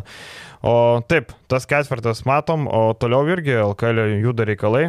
E, komandos e, komplektuojasi, pagaliau ar ne pasvalys, vienintelis nieko nepaskelbė. Aš nežinau, kas ten yra, ar ten internetas dingo pasvaly, ar Tai Burkevičius. visus ant vieną kartą paskelbs. Tai matyt, nes žinom, kad yra, kaip mes kelbėm, Mygnas Vaitkus pasirašytas, Martinas e, Pacevičius, vidurio polėjas, Svirka gal. Ramūnas Tvirka galų gale, jo. Bet niekas nėra skelbiama, tai tas pats Justas Furmanavičius irgi yra pasirašęs e, e, sutartį su pasauliu, bet niekas nėra skelbiama. Tai labai, labai keista. Utena irgi toliau komplektuojasi. Aleksas Hamiltonas grįžta į Uteną. Davidas Romančenko atvyko NKL čempionas. Ir Nikoličius, žaidėjas labai aukštas, dvimetrinis. Žaidėjas, kuris siautėjo Rakferės Tarvas klube, net kelis trigubus dublius yra surinkęs. Kiek žinau, tai yra pirkinys už labai biudžetinę kainą, tai jeigu nepasiseks, galima bus atkabinus sumokėjus ten ant ribos, ant autobuso bilieto atkabinti nesunkiai. Nu ir aš įsivaizduoju, kad į Aleksą Hamiltoną buvo nemažai vis tiek pinigų, pinigų sumirkta. Tik tai man žinai, yra mistika, kad niekas nežino, kodėl praeitą sezoną vos tris mačius sužaidėjo, daugiau niekur nebežaidė. Klubas gal žino. Nu tai neva ne trauma, bel nežino, žinai, ten iki klubo irgi prisibels kaip, e, žinai, kaip, e, kaip iki aukščiausios ministerijos. Tai irgi Hamiltonas, e, Romančenko suskučiu sudarys tandemą. Aleksas Hamiltonas, matėm, labai geras žaidėjas, tik vakar vienas skaitytojas labai pastebėjo, Juventusas nusipirko žaidėją, po kurio išvykimo yra citata įmanto klubo direktorius, citata, išvykus Hamiltonui pagerėjo atmosfera komandoje. Buvo, aš man irgi toks paliktas yra prieskonis po Hamiltono. Aš uh, pamatęs tą pasirašymą, kažkaip pagalvojau, kad kažkas su juo buvogi negerai. Aš taip dabar tiksliai neprisiminsiu, bet tikrai buvo toks. Nebuvo atviro konflikto ten. Nebuvo, bet- jo, bet mhm. uh, jis buvo labai stiprus individualistas, kiek teko girdėti. Nebuvo toks labai stipriai komandinis žaidėjas. Tai man šiek tiek uh, keista, kad vėl į tą pačią balą lipa šitas klubas, nors, nu, bus matyti. Nu, jis status darėsi Juventus ir užsidirbinėjo kontraktą. Ta- Tada, kai buvo atvykęs, tai ar bus panašiai dabar? Manau, Ir rezultatai prie jo, jeigu prisimenu, nebuvo labai geri, nes, nu, vėlgi mes grįžtam prie to, kad jis nežaidė komandai. Kaip pagrindinis atako organizatorius. Ir e, atėjo žiema, Hamiltonas sako, blemba, nėra čia to jau ten ką veikti, davai parduokit mane. Tai noriu priminti, kad žiema ateis ir šiemet, kad ir kokia dabar faina vasara, kad ir kaip karšta, bet žiema ateis ir šiemet. Tai kas, kas, e, kas užtikrintas, kad Aleksas Hamiltonas sakys, blemba, bet tu tenoj nepastatyt nei pramogų parko, nei Akropolio nėra, nei kino nėra. Ką man čia veikti? Tai Tai va, pati Urbono bet- pirtis tiesiog stovi. nu, Tie, kad dabar turės gal trenerį, kuris uh, tinkamas, nežinau, tokio charakterio žaidėjas. Užims jį? Gal kažkokių pramogų suras, nežinau, gal dažniau į sostinę, į Vilnių nuveš. Aš įsivaizduoju, kad su Ev- Evaldas Kairys yra, Evaldas Donaldas Kairys yra tas žmogus. bet yra valdas irgi tas pats. Evalda, Evaldas su bai- pas Evaldą nuveš į sostinę. Nu. O, kad yra tas žmogus, kuris labai tinkamas dirbti su tokia komanda ir su tokiais charakteriais. E, tai va, tu ten toliau darbuojasi, vidurio polėjo reikia dviejų, kiek e, žinau, ten turės e, penkis legionierius, netgi gali būti, kad ir šeši, priklausys nuo to, ką pavyks surasti. LKL e, penki yra legionierių, šeštą reikia sumokėti dar 15 tūkstančių eurų mokestį. Tai pavyzdžiui, jeigu tu pasirašai grajoką už em, 40, tau kainuos 55. Tai čia toks e, faktelis, bet dar vienas faktelis, kad už legionierius mokesčiai yra mažesni negu, Taip, taip, taip, negu lietuvius, jo pigiau. Ir Utena yra vienas iš tų klubų, Už kur... šeštą reikia sumokėti, sorry, per šeštą, taip. O Utena yra vienas iš tų klubų, kuris viską moka labai švariai, labai jokių postalinių pinigų nėra, vokelių, tad e, labai skaičiuoja kiekvieną kapeiką. Tai sakant. šitas faktas tinka, kaip Elvaras Friedrichsonas tapo Šiaulių LKL lygos MVP. Ir jis kiek tada uždirbo? A, 30 tūkstančių. Ten- koks jo kontraktas? ten 40 su kažkiek. Mhm. Ir atsimenu, aš visada galvojau, kaip jis gali realiai grįžęs namo į Islandiją, kaip jis gali pilnavertiškai pragyventi, kai ten tokios kainos didelis. Nes ten, nu, praktiškai šiauliuose jis obolių krepšį gaudavo. Tai dabar Vilniuje akivaizdu, kad a, Obuolių krepšį. galės grįžti iš Lietuvos paskui. Antaninių obolių. Taip, Uždirbdamas maždaug tiek, kiek Islandijai mokytojas. kažkur jau. E, toliau, e, Jonavoje pradėjo judėti reikalai, Virginijus Šeškus e, ten tarėsi, tarėsi, kalbėjo, dabar kiekvieną dieną turėtų skelbti. E, Jeffrey Geretas liko, e, atvyko Dovis Bičkauskis, du labai solidus pasirašymai, Domas Sidarevičius užims e, to atsarginių žaidėjo rolę. Taip pat Edvinas Šeškus turėtų pasirašyti sutartį su Jonava, irgi gal net šiandien paskelbs ar kažkada.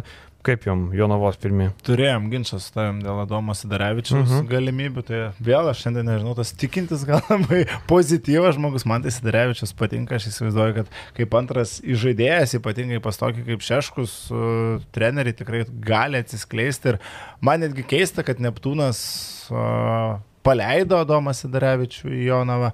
Turim situaciją, kai septintą vietą LKL užėmusi komanda skolina žaidėją ketvirtai vietai. Tai toks nestandartinis momentas, o pats Sidarevičius, aišku, metimas šlubavo, bet mes prisiminkim tą pačią ketvirtfinalio seriją su Žalgiriu, turėjo, jis ten visai neblogų atkarpėlių. Kūnas tvirtėja, sprendimai gerėja, LKL mastu aš įsivaizduoju. kad- Piniginė pilnėja.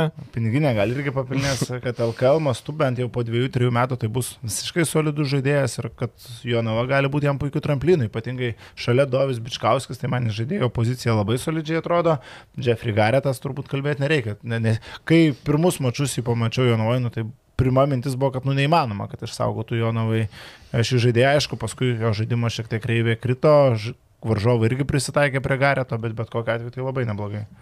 Aš, vat, aš jo nežinau, šiaip Sidarevičiaus, aš net negaliu diskutuoti, nes aš nenoriu. Čia kur vien septyni trajekai prieš žalgį. Jo, bet aš noriu tik tai vat, apie tos trajekus paklausti. Kaip čia išeina, kad tarkim iš dešimties rungtynių, iš kokių dvylikos rungtynių, aštuoniuose ar septyniuose jis nemeta nei vieno, o vėliau išsimeta septynis prie žalgyrį. Žalgiris Ai, atėjo. aišku, ten buvo tos rungtynės, kai, kai jie labai nutrupėjusi sudėtim žaidė. Neptūnas. Jo, nebuvo žygio. Kas norėjo, jo, jo. Tai aš dabar pats atsakiau į savo klausimą. No. Jo, bet jis nėra tragiškai metantis žaidėjas, nėra taip, kad mes jeigu žiūrėtume procentus, tarkim, NKL, Žinai, kokia aišku, problema? procentus nėra lengva, pabaigsiu. Jo, jo, jo. Bet, bet įmanoma, tai nėra, kad jeigu žaidėjas meta NKL 20 procentų, tai LKL jis nepradės mes 30, bet jeigu jis LKL, NKL meta 37-38, nu tai manau, galima tą procentą pakelti ir LKL.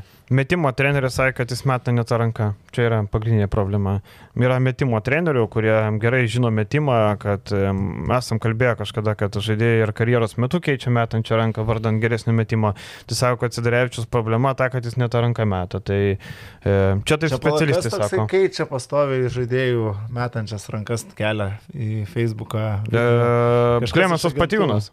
Taip, va, Patijūnas. Mačiau Taip. net kelis videos, kaip perorientuoja žaidėjus per vasarą iš kairės į dešinę. Tai va, jis yra to, to, to amato specialistas, tai va, nu, reikia pasitikėti, kaip sakant, amato specialistai, amato specialistai. Aš e, nesu metimo specialistas toli gražu, bet jeigu taip sako, taip. Šiaip, e, taip, Adomas tikrai perspektyvos, o mūsų ginčas buvo ne dėl to, ar čia geras ar blogas, tai mes tiesiog statėme over under ant statistikos. Jo, tai yra septyni taškai. 7.7,5 naudingumo balo. Mm. Tai Adomas, žinau, kad klauso mūsų, tai linkėjimai Adomai ir Adomai, jeigu nori dėdį atnešti taurėjo, tai 7 taškai. Septyni taškeliai. 7 Arba- arba vienas tašką. Jo, arba Ai, tu 7,5 sakei, overio kad naudingumo jis- balo. Kad jis rinks po 7 taškus. Jis pradžiai sako Romanovsko statistiką, atsidaroma ten, nu, kapeikos. buvo 3 įstrigęs. balai. ten. Ramanauskas visai neblogai, žinai, atrodė, paskui žiūriu, blem. Sakau, Stalgaitis gali tiek rinkti alkelės, kau, no way, seniai, už tiek tai ne. Nes, nes Ramanauskas turėjo ten tų visai neblogų rungtynių prieš šventus, atsimenu, iššovė dar kažką, bet paskui kaip sėdo, taip sėdo ir gaudavosi, kad po dvi minutės išbėga ir ta statistika krito. Trys baliukai ten, nu tai dieve mano, sakau, ne, tautvedai, ne, dėl tiek tai ne, sakau, dėl tiek ne. Tai, tai duok dievę, kad Adomas gerai žaistų, man negaila buteliuko, tai viskas Bet, tvarkoja. e, Jo, geras pastebėjimas buvo, kad e, jeigu žmogus turi ke- 39 procentų taiklumą ant kelio, tai prie didelio pasitikėjimo, ką šiaip šeškus tokiem žaidėjim kartais ir duoda, Justino Romanausko atkarpom klausimus galim prisiminti. Tai, Tai kad jis tuos procentus gali perkelti, tai reiškia, jisai metantis žaidėjas labai daug kas priklauso nuo psichologijos, nes tarkim, tokiam Neptūnė prie Dainiaus Adomaičio tu gauni tas kelias minutės, tu turi kažką padaryti, nes jeigu tu nepadarysi, nu to akivaizdu, kad sėsi tu ant suolo, išskyrus tuos atvejus prieš Kauno Žalgirį, kad tiesiog nebuvo kam žaisti Klaipidos Neptūnė. Bet uh, su didesniu pasitikėjimu tie procentai turėtų būti perkelti. Nors sakau, aš negaliu jo vertinti, nes aš jo nežinau praktiškai. Aš 3 prieš 3 nemažai matęs, tai man iš tenės daug įstrigęs ir apskritai girdėjęs nemažai gerų atsiliepimų apie charakterį. Apie... Ir man patiko, pasako Nedas e, pas mus podcast'e, kad e, prieš Jonovą, kai žaidavo, duodavo metimus kozijai, ir ten prieš Jonovą kozijas vienas, ten 2-9 ar 2-10, ten, nu, žodžiu, prastai. Tai atidavinės ir Sidarevičius metimus, akivaizdu, kad varžovai, kol nepradės pataikyti respektabiliai, labai ramiai per apačiais. Ir e, tie įmai per apačią dažnai krepšininkam išmuša pasitikėjimą, aha, tu asilėni per apačią, aš tave bausiu, o baus neišeina ir tada jau galvo užsikūrė tas visas mechanizmas, kad blemba, aš nepataikysiu baust, Tai mes nusimės. Jokubaitis apie tai irgi kalbėjo, kad man užknis. Ai, apie tai kalbėjo? Net per treniruotę, sako, per apačią eina, pratinasi, kad psichologiškai. Yra ok. tie atvejai, kai tu lieki visiškai laisvas, tu turi labai daug erdvės, tu nu, labai daug tokios situacijos nepataikai. Pavyzdžiui, nu, čia menkas palyginimas, bet man kai būdavo, kiek aš pražaidęs uh, kažkiek MKL, -e, kažkiek RKL, -e, kad kad, kad, kad uh, tu kai meti per rankas, nu man asmeniškai patogiau yra mes per rankas, nes tu jauti spaudimą kažkokį ir tu negalvoji. Laisvas, tu labai daug galvot pradedi. O galvoti ten nėra kada tiesiog. Tai va, tai toks. e, Toliau, e, Nevėžis baigė darbus, e, vakar irgi rašiau tekstą apie tai. Nu, trumpai sakant, labai skurdokai. Nu, galima pagirti Nevėžį už tai, kad sukomplektavo komandą, kuri, na, yra įdomi, gali tobulėti. Yra tų žaidėjų, tokių, kur e, Pansėjai, Lietuviai, Marcinkievičius, Justinas, e, poetas, ne poetas ar ne. E, yra tų žaidėjų, kurie gali eiti į priekį, bet šiaip LKL, nu, tikslas aplenkti bent vieną komandą, manau, ne? Nu, kažkas tokio, kažkas tokio. Aišku, pavyzdžiui, Tomo Verbinskio, nu, nelys prie to padelio, aš kas nuo karto atsigeriu iš jo. Tu pastumiai penktą kartą. Penktą kartą. Gerai. A, Tomo Verbinskio aš, pavyzdžiui, asmeniškai vis nežinojau, kad toks žaidėjas egzistuoja. Aš Nežinau, aš kažkada darydavau- Gėda ar prisipažinti ar negėda, bet aš nežinau. Uh, Lekšas, kur dabar daro kitam portale uh, tuos topus, aš kažkada juos darydavau. Ir, uh, ir Verbinskis gal buvo kokius dviejus metus paminėtas tarp savo amžiaus top 10 visą laiką. Visų 16 rinktinėje žaidė, aš paskui Jo, jo, jo. pasidariau research. Tai Verbinskis šiaip buvo treneriams visada žinomas žaidėjas. Jo, bet nu, čia buvo seniai, paskui jis išvarė į JAV, tai aš ten jo visiškai neįsivaizdavau, kas praždės Vaistiną Marcinkievičių, aš atsimenu iš Žalgirio dublerių šiek tiek, nes pavardėjai įsimintina, tai labai lengva įsiminti iš katų e, ekipos, bet tai buvo irgi keli metai atgal, koks Marcinkievičius sugrįžta daug klausimų. Kaip ir sakė Edgaras, nu čia sudėtis tikrai neatkrintamųjų turbūt lygio. Aišku, Dominikas Tenionis, va įdomus žaidėjas, į kurį pasižiūrėjo Džagaras. Labai, kaip nevėžiai, manau, solidus įėjimas vis dėlto Latvijos rinktinės a, žaidėjas. Paulius Petrilevičius neblogai, bet matant, kaip komplektuojasi kitos komandos, tai tolokai. Jo, tai Petrilevičius, vienintelis e, toks pirkinys, kur tu žinai tikrai, ką gausi, žinai, kaip bus. E, Petrilevičius tikrai tas, e, tikrai tas lyderis bus ir man labai gaila, kad Petrilevičius taip ir neišvažiavo į užsienį. Po nevėžių išvažiuoti užsienį bus dar sudėtingiau, jo lab, kad jam 31 berots, tai neberots, iš tikrųjų 31, tai labai gaila, du sezonai buvo pasvali labai gerai 19-20, galvo išvažiuos, neišvažiavo, taip ir liko, na, bus su Raivu Šatsku dirbti, niekur tavęs neišves. Raivas Šatskas, tarp kitko, čia jo agentas, čia be. Su- O turginė tašė irgi tą turi languotę. Turi, turi, tik tai, žinai, tai va, su Raivu Šatsku nepaturiu jokiem krepšininkam dirbti, tai yra visiškas prastas agentas, prasti atsiliepimai. Tebūne, e, bent jau kiek aš girdėjau iš e, kitų žmonių, kad tai yra. O baigiant nevėžį Terilas Dualą, man labai įdomus tuo, kad vasarą mačiau video, kaip jisai darbavosi ties metimu ir tas metimas dabar atrodo išmetimas, kojų darbas, ypatingai kojų darbas atrodo daug geresnis. Tai aš galvoju, kad Derilas Duala nebebus toks tragiškas į perimetrų, plus jisai turėtų žaisti daug treč- trečio numerio pozicijų, nes nėra kam, jo ir ūgis, ir kūnas tinkamas tam, ir trečioje pozicijoje žaidžiant ne taip reikia gero trajako, kaip žaidžiant antrų numerių. Tai manau, kad viskas taip įsikontempliuos, kad duala arba parodys gerą žaidimą, arba bus tas žaidėjas, kur, na, nieko nesigavo. Bet, bet čia tas žaidėjas, kur apie metimą tikrai buvo galima kalbėti, kad tragiškas. Ten Tragiškas. Kitam, kitam 10 procentų lygmeny, čia, žinai, seni. Mes kalbam apie kokią Domą Sidarevičių ar dar apie kažką, tai ne, čia, čia kita, kita dimensija. Ta prasme, visiškai laisvas į lentos gal, kampą pataikydavo kartais. Tai labai labai blogai ten buvo. Žagaras labai įdomus uh, Mhm. žaidėjas, kuris uh, žaidė nu, žaidė, tas labai epizodinis buvo žaidimas įsibil lygoje Ispanijoje, bet uh, žaidėjas, kuriam trūksta pasitikėjimo, trūksta metimų, nevėžės, ko gero, yra ta grandis, kuris jisai gali parodyti. Jau 22 metai jau jis turi žaisti. O dėl Petrilevičiaus, tai šiaip kiek tekia bendrauti anksčiau su juo, tai žiauri geras vyras, tai man šiek tiek irgi vat, gaila, kad jis ne, neprasprūdo niekaip į užsienį užsidirbti. Tikrai geras. Nu ir čia įvyko nemažai tų išvažiavimų užsienį, galima paminėti Valinskas į Serbiją išvažiavo, čia turbūt toks labiausiai ne- ne- netikėtas ir e, dviejų metų kontraktas e, Belgrado FMP klube. E, argumentai labai paprasti. Adrijos lyga kitą sezoną bus labai labai pajėgi, noras pasirodyti labai pajėgioje Adrijos lygoje, kur tikrai matom ir Zvezda pastiprėjo, ir Partizanas, ir e, C9 renka gerą komandą, ir Budučnos. e, Bus labai gera Adrijos lyga. Plus e, komandai žais atrankoje, yra galimybė prasimušti tarptautinį turnyrą, plus e, vos ne pagrindinio skolerio rolė yra numatyta ir ten, e, žinot, tas dviejų metų kontraktas, bet jau gerai žais, tai po metų kas nors galės nusipirkti už tos 200-300 tūkstančių, tai čia nėra problema, toks įdomesnis. Tada Velička pasuko pas Sušinską, e, nu, irgi įdomus įėjimas, grįžti į Vokietiją. Vokietija gal net ir tinkamesnė, aš sakyčiau, Arnui Veličkai. Jis gerai tada žaidė Mm. Braunšvigų komandai. Sunkiausia Veličkai, aš įsivaizduoju, Prancūzijoje buvo, ta prasme, nu, kur jo pagrindinis pranašumas yra fizika, a, kuris gali, tarkim, Vokietijoje ir taip pačioje Italijoje savo kūnų rinkti taškus, tai Prancūzijoje šitas pranašumas iš, išnyksta. Jo, e, Giga Islandija, Kulvietė žais su Sajom Stambulo komandoje, ten pinigėliai pinigai žvangina, tik ne visada Turkijoje tu juos gausi, čia yra tokia maža žvaigždutė dar, dar kontrakte. krinta lyra Turkijos, aš jau nebežinau. Mm, nežinau. Ten, žinai, žvaigždutė kontraktai yra, nebūtinai gausi pinigus. E, Jarumbauskas į Ispanijos antrą lygą, toks, nežinau, ar Jarumbauskas e, bus sėkmingas ten. Man atrodo, ten kitokios stiliaus žaidėjo reikia. Aš įsivaizduoju, kad ar antra Ispanijos, vis tiek Rumbauskas LKL būtų gavęs, manau, darbą tikrai. Tai ar antra Ispanijos lyga yra, yra geriau negu Lietuvos krepšinio lyga, nu, jeigu gerai papulsi, galbūt. Pas Virgį vietoj Kozio, manau, būtų labai gerai. Bet e, kaip tik ir e, pagal braižą. Man Ramanausko išvykimas į antrą lygą pas e, Vytautą Buzą yra toks labiausiai keliantis klaustuką įmas. Taip, Ramanauskas buvo, kaip mes kalbėjome, LKL statistika yra, nu, trys baliukai ten niekas. Bet, pavyzdžiui, Juventusas sakė, kad jiem būtų įdomus, bet Ramanauskas už tos, tą, ką jie turėjo, Ramanauskas buvo neįperkamas, tai nusipirko tą Nikoličių, žinai.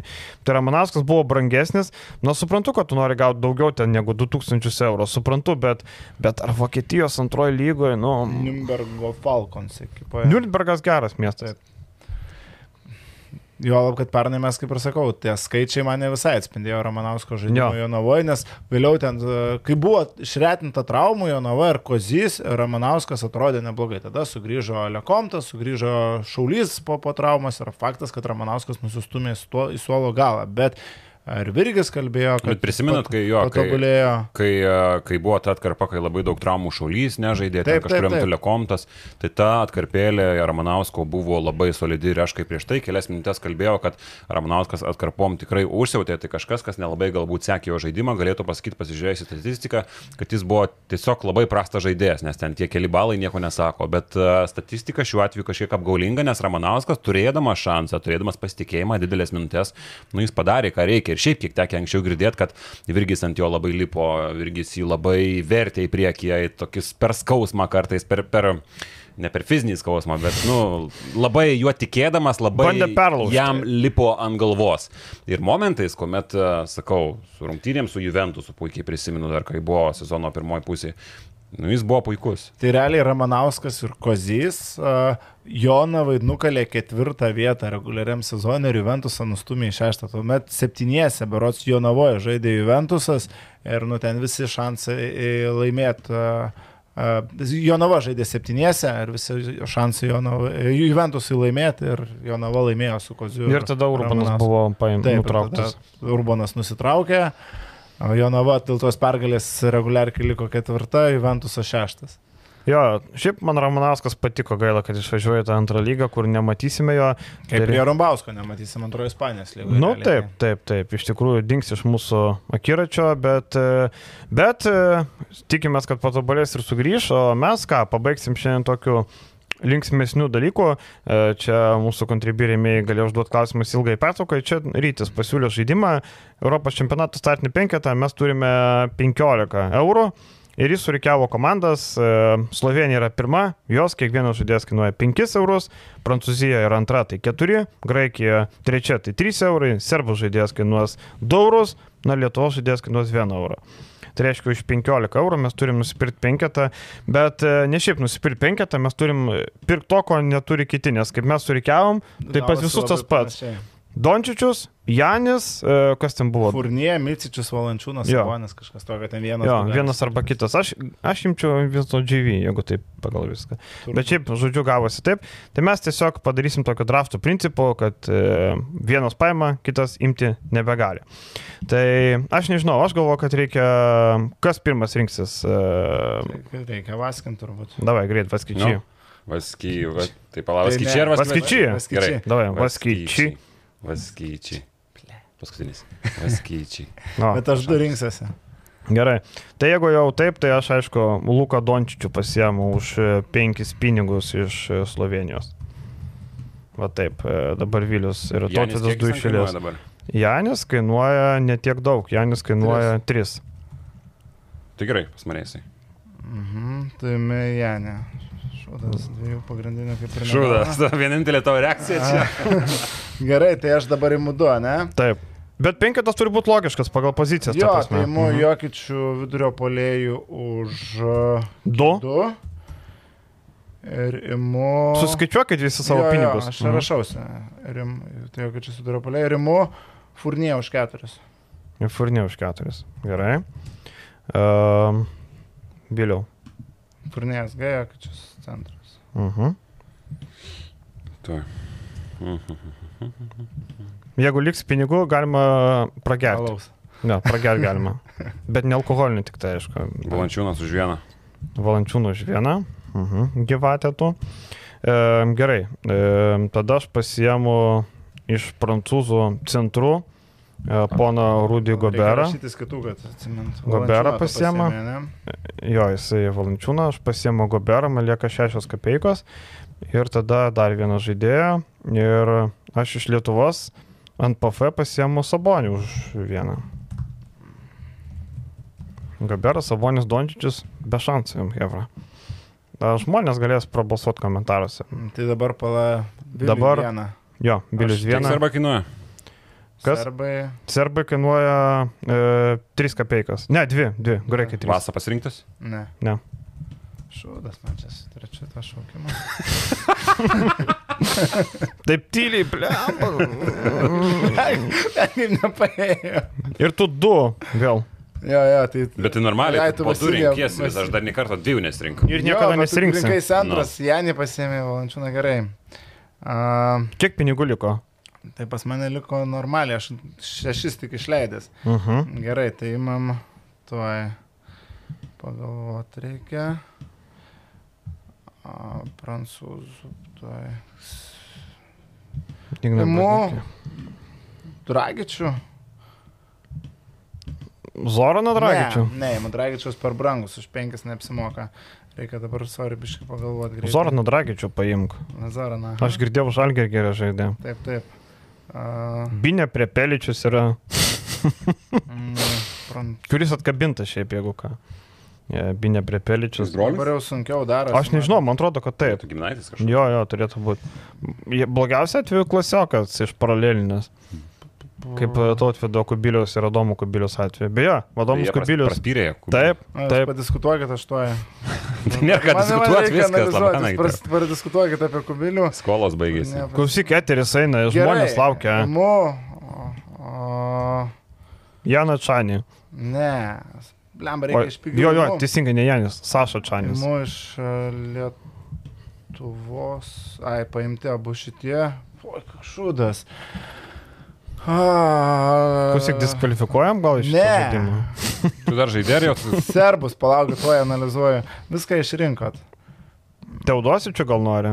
A, Tai jis Teodosičius negalima, gaila. Jako, Jago didžius kūrydžiai labai geras. Lako. Gerai, Kovičių. imu trečiu Lučičiu. Lūčičius. Uh -huh. Ir imu Reikia trečio numerio. Goraną Dragičio. aš imu. Mhm. Ir dabar aš turiu du žaidėjus pasirinkti. Ne, ne, ne, vieną. Vieną tik. tai? Vidurinis negauna dviejų, tik tai kraštiniai gauna. O Lučičius pas mane už kiek aš... Ech. Jie buselė. Jie blasėlę už e, keturis pasiemė. Gerai, mm, aš nebūsiu kažkoks, e, mano paskutiniai duojimai, turiu penkias kapeikas ir galiu vat, pasimti jau vieną sloveną, aišku, nebeimsiu, viskas, galiu pasimti prancūzą. Gerai, iš graikų tai šiaip nėra ką labai imti, jeigu taip jau pasižiūrėjus. E, Aš Dončičius statau SG ir pasiemu už 3 kapeikos Kosto sluką. E, Man pikinrolą pasukti su Kostu sluku paimsiu. E, už 3 kapeikas ir už likusias 2 galiu pasimti, dabar man reikia trečio numerio. E, tai arba serbo reikia, arba reikia pasimti lietuviuką. Tai aš gal pasiimu Igną Brasdeikį už vieną ir vieną pragersiu. Viskas, manau, sudėtis. Taip, ir vienas lieka ant alaus. Tai Jau man, visus rinkęs. man turbūt ne, man reikia paskutinio, tai serbų PF, nu tai čia akivaizdu, ne man jie bėlica. Nu ir Bielica, senuką Bielica. Tai tu gali nebūtinai serbo, gali paimti pigesnį. Galiu lietuvių PF labai daug pasirinkti. Pala, Mindaugą Kusminską gali paimti, Gytimą siūlį. Ne, man bėlica. Tai gerai, turim penketukus. Aš neturiu. A, Vilius dar vieną. Jo, aš neturiu ir dar dabar tu turėsiu. Ai, tai tu turėjai rinktis dabar. Jo, bet tu turėjai rinktis. Jeigu. Bielica neėmė, tai tada tau nebereikia Tau PF. nereikia, jis turi, jis turi. Jie Valančiūną. jie buselė jisai turi. Jie Čiūstakis. Janį Valančiūną ir Vasą, tai man reikia antro numerio. Taip. Taip. Arba Vasas tu į antrą ir Kiek paga. Tau likę. Uh, 4, 15 turim, tai 4 turi būti likę. Uh, Mhm. 3, 4. Mhm. Jo. Tai gali paimti. Aš jau pasimsiu, ką aš norėsiu, Hebrytė. Ne, ne, tai ta prasme gali pasimti iš visų skirų slovenų. Jo. O tavo baigėsi Dončičius, Goberas, Sabonis, e, Slukas ir kas dar? Ir Brazdeikis. Iš vieną kapeiką. Blogai, kad aš turėjau pasiruošti tam dalykui, bet aš dabar staigiai. Aš tai buvau gerai. pasiruošęs, bet nesitikėjau, kad aš rinksiuos paskutinis. Nu, blemba, prastai pasiruošė. Čia kaip aš pasiruošiau karui, bet nesitikėjau, kad atakuos varžovai pirmie. Nu, blemba, viskas žinok. Ką, ką aš norėjau. Tyleris. Dorsey. Taleris Dorsi, atakuojantis gynėjas iš Graikijos rinktinės. Kažką tikrai praleidau, bet... Blemba, gaila, kad Vatrytis netraukė, pavyzdžiui, Sakartvelą. Aš būčiau Zasa Pačulė paėmęs, Manučarą Markošvilį. Legenda. Bet šiaip nėra bloga ta mano Jis pastovi su pas- pasižiūrėjau akim dabar. Tai pasakyk savo komandą, pasakom iš eilės. Nu, tai pas mane Jokičius, iš centrų turbūt vienas geriausių, ne man jie Bielica, Vladimiras Lučičius, Evanas Furnie ir Goranas Dragičius. Mm, Galvojau, bus blogiau. Matau. Kai, kai prasidėjo viskas, galvojau, kad iš viršūdų kvepia. Balsuojantis už tautvedą, rinkite numerį 1669 ir rašykite langelį 01. Ne, jeigu rimtai komentaruose balsuokit, e, kieno geresnė. Mano penketas. balsavimą pristato Grand Thornton Rimės. Taip, e, inspektuos Grand Thornton Baltic. Baltic A, jau dabar kitas? Taip, taip, taip. Ir tas pats tik pavadinimą Nu, pakeitė International. Tada pas mane Kostas Lukas, pick and roll dievas, Rudy Goberas, pff, nieko ne, nerasi geriau, Taip, Sabonis, Sabonis ketvirtų vėl va. Domantas, nu, Irgi Trojaka žaisi kaip- šaus. Žaisi kaip Luka Lietuva. Dončičius, Žaisi kaip Lietuva. Lietuvos rinktinės komentatorius.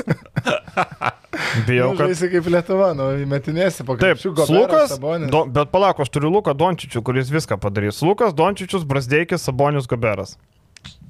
Ir Vilius pristato savo trejetą. Janis Valančiūnas, Vasa Micičius, Jebuselė ir Tyleris Dorsey.